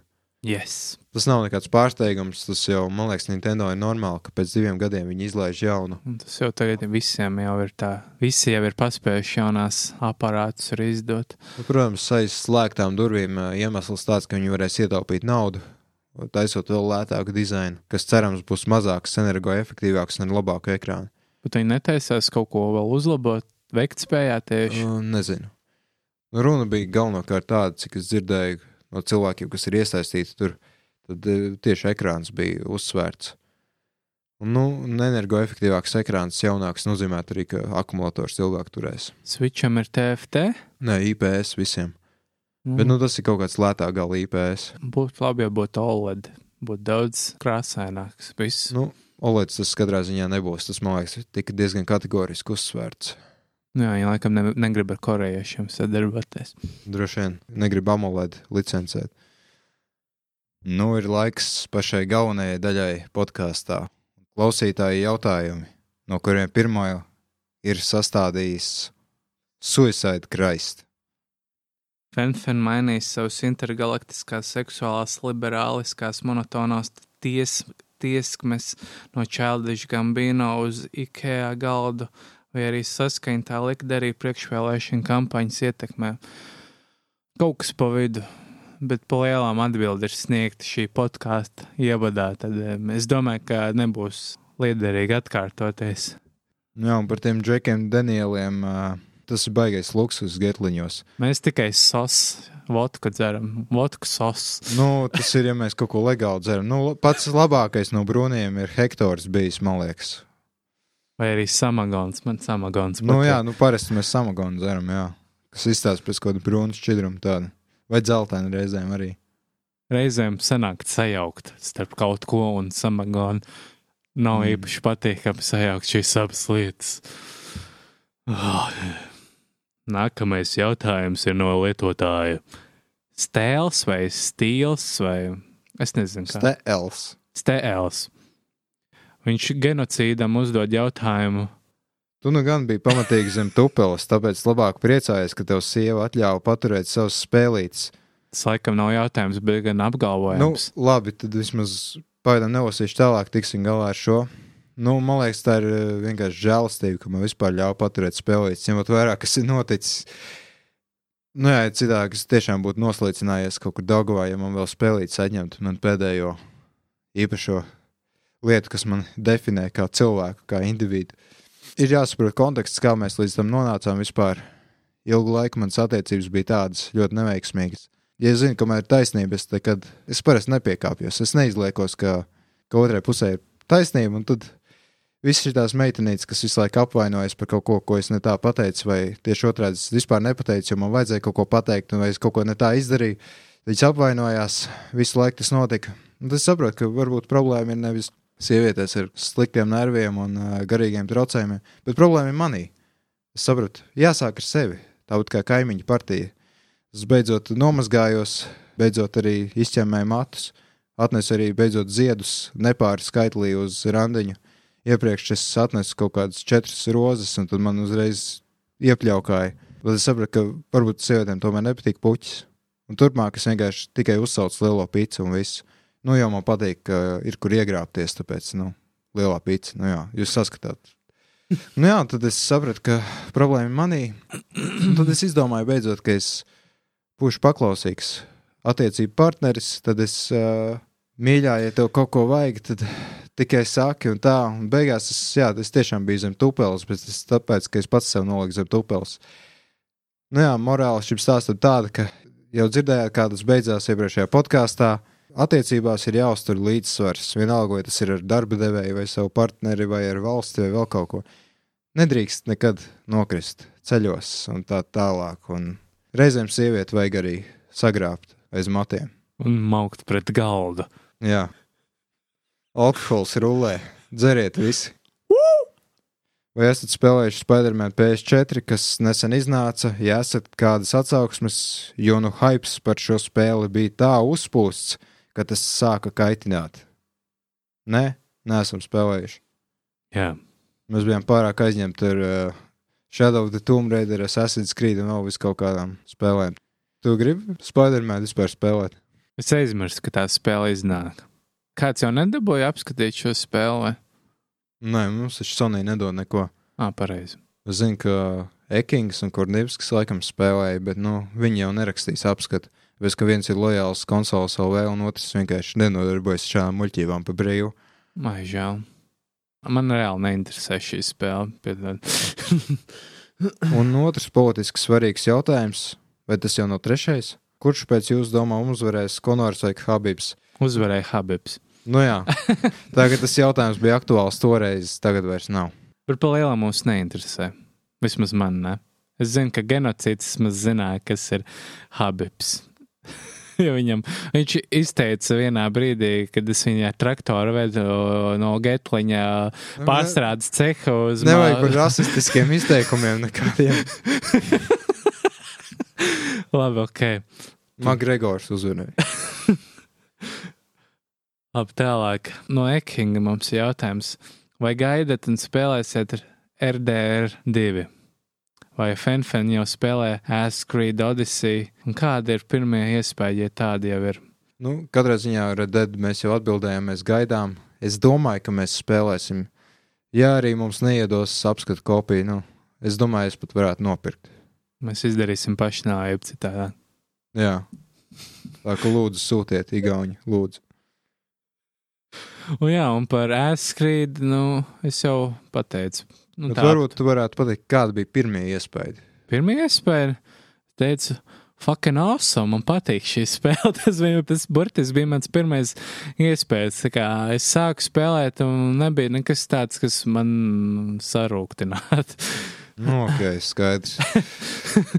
Atvainojamies par īso atbildi Ekinga, bet, nu, Nē, nu, sīkāk var dzirdēt, mazliet attinot uz atpakaļ, un uh, varbūt vēlāk, nākamajā nedēļā. nu jā, tagad mēs jau esam tikuši līdz tai pusē, kur jāapgriež kasete otrādi. Tā kā, nu, jā, A daļā bija. Un nākamais jautājums ir no Goodman 257. no Goodman 2576. Um, kas notiek ar virtual reality gaming, un vai tā iekaros plašākas masas, vai tomēr paliks pagaidām tikai īpašajiem faniem jūsu viedoklis? Vērs sūkā. nu, labi, nē. Nu, Pa lielam tur ir diezgan interesantas lietas, bet pagaidām, manuprāt, tā infrastruktūra nav. Ar infrastruktūru, es domāju, nav tik jaudīgi dzelži, kas varētu to kvalitatīvi nodrošināt manā skatījumā. Uh, ir. Nu, tad tev vienkārši jānopērk i7 kaut kāds un vēl nežēlīgi video. Kāds ir 7, 9, un tev vēl jānopērk noteikti pats labākais Oculus Rift, kas pats maksā 1000 eiro. Nē, paldies, veči! Nu, man liekas, VR nav pieejams visiem, tāpēc, ka daudziem cilvēkiem paliek slikti. Uh, tas Un- ir viens. Un tas nav lēti. Nu, jā, tagad iznāca Oculus, vai iznāks Oculus Quest, uh, tad, ko, kamēr arī video ir ielicis zemāk. Tas tāpat ir 400 dolāri. Nu, come on. Nu. Bet nu, ta, tam nav vajadzīgs dators, nekas tāds. Vienīgais, es nesaprotu, kā tas īsti strādās. Jo tas atbalsta Rift programmatūru, jā. Uh, bet atmiņa bāzes modelim 64 gigabaiti. Tas taču nekam vairs nepietiek mūsdienās. Un tas notiek kaut kādām telefonu spēlēm, kaut kas kā tas Samsung VR, tas Gears, kā tur sauc. Nu, Es citu iespēju neredzu. Nu, tur tajā mazajā krāmā, ko tur citu var iebūvēt, nu, kaut kāds ARM processors maksimums. Tur jau dzēsēšana nav iespējama Nu, jā, negribas, lai tev smadzenes. Kaut kas tur bija, ka jānoņem ik pa laikam ir, jo uzkars tomēr. nu, Jā. Ņemiet vērā, ka jūs to turat pie savas galvas. Nu, jā, Sony VR, HTC, Vive Pro. Nu, HTC tas ir biezajiem, kam vēl pirmkārt liela telpa ir un uh, zvērīgs dators. Skatījos to video, tur cilvēks recenzijā stāstīja, ka viņam ir tā kā man trešās paudzes i5 un uh, 970 GTX, viņam diezgan šruntīgs spēles strādā. Tā ka, nu jā, tur vajag nopietnas zelžas. Plus vēl pats ieguldījums pats par sevi HTC Vive dārgs. Nu, tagad jaunums tāds, ka bezvadu versija vairs nav. Jābūt piesietam. Nu, jā, ja tas būtu mazliet jēdzīgāk izpildīts, kas pateicoties mūsu tehnoloģijām nav iespējams pagaidām. Ai, es domāju, ka tam nav īpaši vietas mūsdienu sabiedrībā. Hihi. Un tad varam ķerties pie tiem jautājumiem, kas tika zem izziņotā podkāstu Tad uzdot. ir, tad ir lietotājs dzelzīts. Ārpus darba, ģimenes netiklībām un citām uzmanību novērsošām lietām, vienādības zīme jūs tāpat esat gameri, jo ik pa laikam atgriežaties pie kādas vecas spēles vai izmēģināt ko jaunu. Pastāstiet audiorijai, kā par tādiem kļuvāt. Ja jautājums liekas pārāk personisks un nav vēlams sīk stāstīt, droši varat sīkums un pikantos gabalus izlaist. Ah, tad mēs nestāstam par to daļu, kur uh, slādīja ar siksnu un bļāva virsū. Un kur, kur mā, māmiņa man visu laiku atņēma Gameboys un met pret zemi un manu galvas kausu. Nu, Tie Jā. bija labie laiki. vecie labie laiki. Bet, nu, tur arī meklējums saknes, man liekas, vismaz manā gadījumā, kā es sāku aizrauties ar spēlēm. Sensis spēlēja Duke Nukem uz datora. Man viss ar PC sākās. es sev nesauktu par gameru, sauktu video spēļu entuziasts. Tas ir viens, jā. Nu, es teiktu, ka mēs esam mērenie video spēļu entuziasti, jo, ja mums ir kaut kas svarīgāks, ko darīt, tad mēs nespēlējam. jā, palielam, jā, jo mums ir dienas darbs abiem diviem, lai arī kā tas nebūtu, bet ir. Video spēles nav mūsu primārā nodarbošanās. Nu, mums arī ir citi hobiji, neskaitot spēles. Jā, Nu, jā līdzīgi kā genocīda, man arī viss sākās ar datoru. Kā mācības darba vietā es spēlēju arī Duke Nukem un uh, Prince of Persia, to pirmo no Psāna. Ah, es arī, jā. Bet tā manu reālo pirmo spēlēšanas pieredzi vairāk saistītu ar visādiem Gameboyiem un uh, Gamecubiem. Nu, Nintendo tā kā ne pašām senākajām, bet vidējās paudzes konsolēm. Es pat nezinu, ko es runāju, bet no ar Gamecube. Tā kā mana visplašākā sākotnējā pieredze. Mana pirmā konsole bija Game Boy Color. 2000. gadā dabūju no Austrālijas atveda. Tas bija Forge un Pokemon Gold pirmā spēle manējā. Nē, nu, tas, protams, pēc tam, kad es jau biju uz PC spēlējis, bet, nu, mana, mana paša konsole. Jā. Nā, mums abiem tā kā diezgan sasaucās tās pirmās pieredzes. Tā kā it īpaši GameCube laikā, tā kā es uh, nokļuvu pie savu GameCube, es laikam izmantošu savas tiesības un neteikšu, bet, Tiesības klusē. jā, bet, uh, jā, Es atceros, es maiņas ceļā dabūju. Es, man es biju pazīstams video games kā lielais mainītājs. Es visu kaut ko mainījos, līdz beidzot arī dabūju savu GameCube. jā, un tad mēs spēlējām. Visādas spēles mainījāmies, dalījāmies, spēlējām lokāli kopā, jo, Labākās atmiņas, man liekas, Time Splitters Jā. 2, jā, F-Zero. jā. All right, you got 30th place. Finish! You got boost power. Jā, jā, jā, jā, es atceros, ka es F-Zero vispār nemācīju spēlēt, bet pēc tam, kad es saslimu un kad ar pusmēnesi non-stopā to spēli spēlēju, man liekas, es pat genocīdu vi- vienkārši visas līgas uz dimantu grūtības pakāpes izgāju. Es nespēju vispār tālu tikt, jo tas spēle brutāli. Jā, tur ir īpaši pašā pēdējie tie kausi ir paši grūtākie. Jā, tur vairs pa šauru trasi jābrauc. Tā ir sacīkša spēle, kur ir 1000 km/h jābrauc. Un vairs nav apmaules vispār tur lavā iekrīt. Un... Jā. Un time splitteriem bija tas, ka mēs taisījām kartes un pēc tam devām viens otram ar uh, atmiņas karšu, nu, spēļu kartes. Atmiņas kartes, jā, mēs jā, mainījāmies. mainījāmies un tad spēlējām vai nu abi pie viena vai pie otra, vai arī vienkārši atsevišķi single playeri. Bet tā, jā, es atceros, tā bija tā spēle, kur es visvairāk kā drāzu. Nu, kā, man liekas, neviena spēle tajā laikā es tik daudz kā Time Splitters 2 nespēlēju. Nu, tas sniedz saldu, saldu mīlestību. Jā. Bet tā bija ļoti laba spēle ar ļoti daudz satura. Mūsdienu spēlēm būtu ko paņemt no tās spēles. Man arī ļoti patīk Soul Calibur 2, ko es salīdzinoši nesen arī atkal dabūju savā kolekcijā tieši uz GameCube.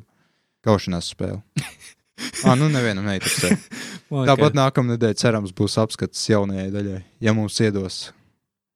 Es ka daudz, nemaz nezinu, kas tāds ir. Neatcerās. Liels pupas un dirs un, Un liela zobena. liels. Burtiski. Jā. Es tā īsti nesaprotu to jautājumu pirmo pusi. Ārpus darba, ģimenes netiklībām, citām uzmanību novērsošām lietām. Nu, par spīti tam mēs tik un tā esam sirdīgi gameri. To viņš gribēja teikt. Jā, jā mēs esam gameri. Jūs nezināt, kas notiek pēc šī podkāstu ierakstīšanas. Tad ir nākamais jautājums no U915 vai U915. Nezinu.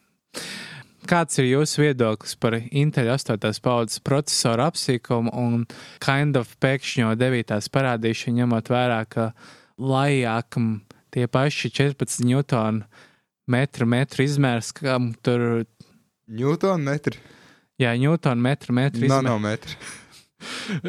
Tikai beidzot vairāk par 4 līdz 6 kodoliem uztaisīts priekšmirstīgiem, kas AMD jau sen notiek vēl, kā AMD jau ir 12 nanometru.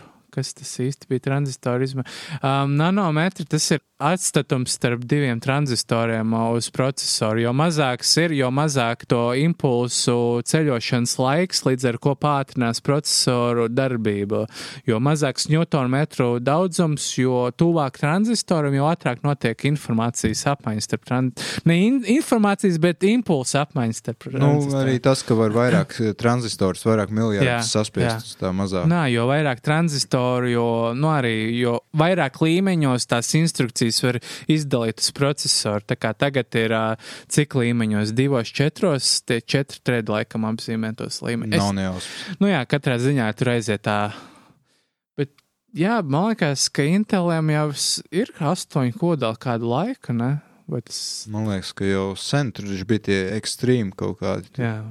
Katrā ziņā es nezinu, kā justies par i9, ņemot vērā, ka, ja jau i7 reizēm ir par daudz, tad i5, manuprāt, ir pilnīgi pietiekoši lielākai daļai spēļu. Es nezinu. Uz spēlēm, jā. Varbūt viņš domāja, ja renderē tur kaut ko tur video vai, eh, nezinu, 3D kaut kādas filmas, tad. Bet, nu, Nu, jā. renderēšana, jā, bet. Es tāpat pagaidītu, līdz iznāk jaunās konsoles, un tikai tad taisīt upgrade, lai nav nesenāk iegrābties. Viens ir tas, bet ko tu dari īsti ar to i9? Tā kā es neesmu neko no Latvijas tādu redzējis, kur būtu nepieciešama tāda pro Nu, man liekas, tas ir tad, ja, piemēram, tā kā ar Assassin's Creed Origins PC versiju, ka tur kaut kāda DRM dēļ bija nenormāla CPU noslodze, un tu vēl gribēji strīmot papildus, tad jā. Bet Jā. parastam lietotājiem. Un, jā, un tieši attiecībā par to, ka kā nav tik laba pieejamība, nu, līdz i7, un vienlaikus tad Intel arī izdod i9, tad kā mēs par to jūtamies? Es nezinu, nu, tas ir biznesa, tas ir kapitālisms. Ko var gribēt no Nu, jā, tad pēdējais teikums vēl arī par to tikai apstiprina. Jā, bet nu, tas jau nav pirmais gadījums, teiksim, Huawei telefoniem jau arī bija speciāli, kur tur benchmarku apčakarējis, lai rādītu lielākus ciparus, kā viņi vispār spēja sasniegt. Nezinu, kurš vispār skatās tiem benchmarkiem. Jā, jo tas dabā reāli neizpaužas pilnīgi nekādīgi. Vienkārši ņem labāko, ko tur nopirkt. Lieto. Nu Viss. jā. Un tad laikam pēdējais jautājums. Jā. Pieņem, ka AC Odyssey spēlēt un ceru izvēlēties Exploration modu. Kā patīk šis jaunievedums AC spēlē? Kas tas ir? tu, tu zini, kas tas ir? Exploration mode, es sapratu, ka tas ir kā Ghost Recon Wildlands, ka tu vari uzlikt to, ka tev parādās eh, kartē kaut kāda simboliņa tikai tad, ja tu esi tūmā. Ka tev neparādās viss uzreiz, kur tu vari aiziet, bet tev ir jāpēta pasauli. To varēja izvēlēties. Man liekas, ka man. Jā. Es neko neizvēlējos, man tā ir. Nu, es acīm redzot, izvēlējies Exploration Nu, jā. mode. Laikam patīk, bet līdz ar to Tas Ar sanāk vairāk laika izšķiest. viens, bet ar visu to, ka uh, tāpat nerādās visas tās ikonas uz uh, tām, kā viņi tur sauc, tā. Kartes. Nē, karta ir tikai, kad nospiež atsevišķu pogu, bet konstanti tur ir tikai tas kompass. Bet ar visu to ir nenormāli daudz ko darīt. Ir entie sidequesti, entās vietas, kuras apmeklēt, visādi sikreti. Man liekas, ka tas neko īsti nemaina. Tāpat piesārņots tas quest logs ir ar visu, ko, ko darīt. Tāpēc es domāju, ka viņi ir pārkompensējuši viena aspekta trūkumu ar otru. Jā, kaut kā tā. Jā, es jau gribēju atbildēt pie Ekinga jautājuma šo, um, tika uzdots, vai mēs jau spēlējam kaut ko un tā. Es vienkārši gribēju, lai ir kaut kāda skaidrība pateikt aizkulisēs, kā viss notiek. Nu, ir tā, ka mēs neesam prioritāte nevienam. Ja tas nozīmē, ka ir ierobežots skaits apskatu kopiju vai vēl kaut ko, pirmie tās noteikti dabūs tie, kas ir Igaunijā. Paši lielie mēdīji, tur level 1, piemēram, kuriem ir konsekventi trīs raksti dienā, podkāsts katru nedēļu. Vienkārši paskatieties uz straiku, kas tur notiek. Labi, ja viens raksts trīs dienās un tam līdzīgi. Kurš to vispār uztver nopietni? Bet ņemot vērā, ka mēs esam abi tie pamatrakstītāji, tas ir labs rādītājs. Laikam jau. Es jau gribētu koncentrēties tikai uz apskatiem un kaut kādiem īpašiem rakstiem, kamēr būtu cilvēki, kas raksta ziņas atsevišķi. Bet nav iespējams. Mēs jau nevaram spēlēt simts spēles paralēli. Tur vajag vairāk cilvēku, kas. Nu, vajadzīga komanda ir tā, kā tas ir Igauniem, piemēram. Nu, bez komandas neko īsti nevar, Jā, diemžēl. bet pa lielam jau vajag arī tos cilvēkus, kas acis vajag. Tā nav vērts mums no komandas, ja mums neviens nelasa. Maksimums, ko mēs varam izsiest, ir 10, 12 tie kudos punkti. Tas ir aptuveni tas, ko es rēķinu, tas tā ir mūsu auditorija. Un Tas 12 tas ir ļoti optimistiski. Priekšpēdējā bija 10 kudos, es biju pat pārsteigts. Ah, bet tas bija pirms mēs to politiski virzīto porolonu ierakstījām. Jā, bet cilvēki īpaši neizpauda savu sašutumu. Laikam neviens neuzdrošinās neko teikt, viņiem bail, ka mēs vispār šo nogriezīsim pavisam. Jā, Bet, nu jā, katrā ziņā tā mēs neesam prioritāte. Man, piemēram, teica, ka būs arī wrestlings, būs arī megamēna apskatu kopijas, bet es nevienu ne otru neesmu saņēmis. Tā ka mums vispār jāpriecājas par to, ko dod. jā. Protams, ja būtu cilvēki, kas būtu gatavi rakstīt kaut ko, es arī varētu padalīties un tā tālāk. Man arī nav īsti laika visam pēc kārtas šitam iet cauri, visu Jā. spēlēt. bet grūti atrast tos cilvēkus. Ne tā, ka gribētu tā ir trūktu, bet vairāk ir tā uzticamība, ne? Jā, un tas, ka cilvēki nemāk arī īsti rakstīt, diemžēl, latviešu.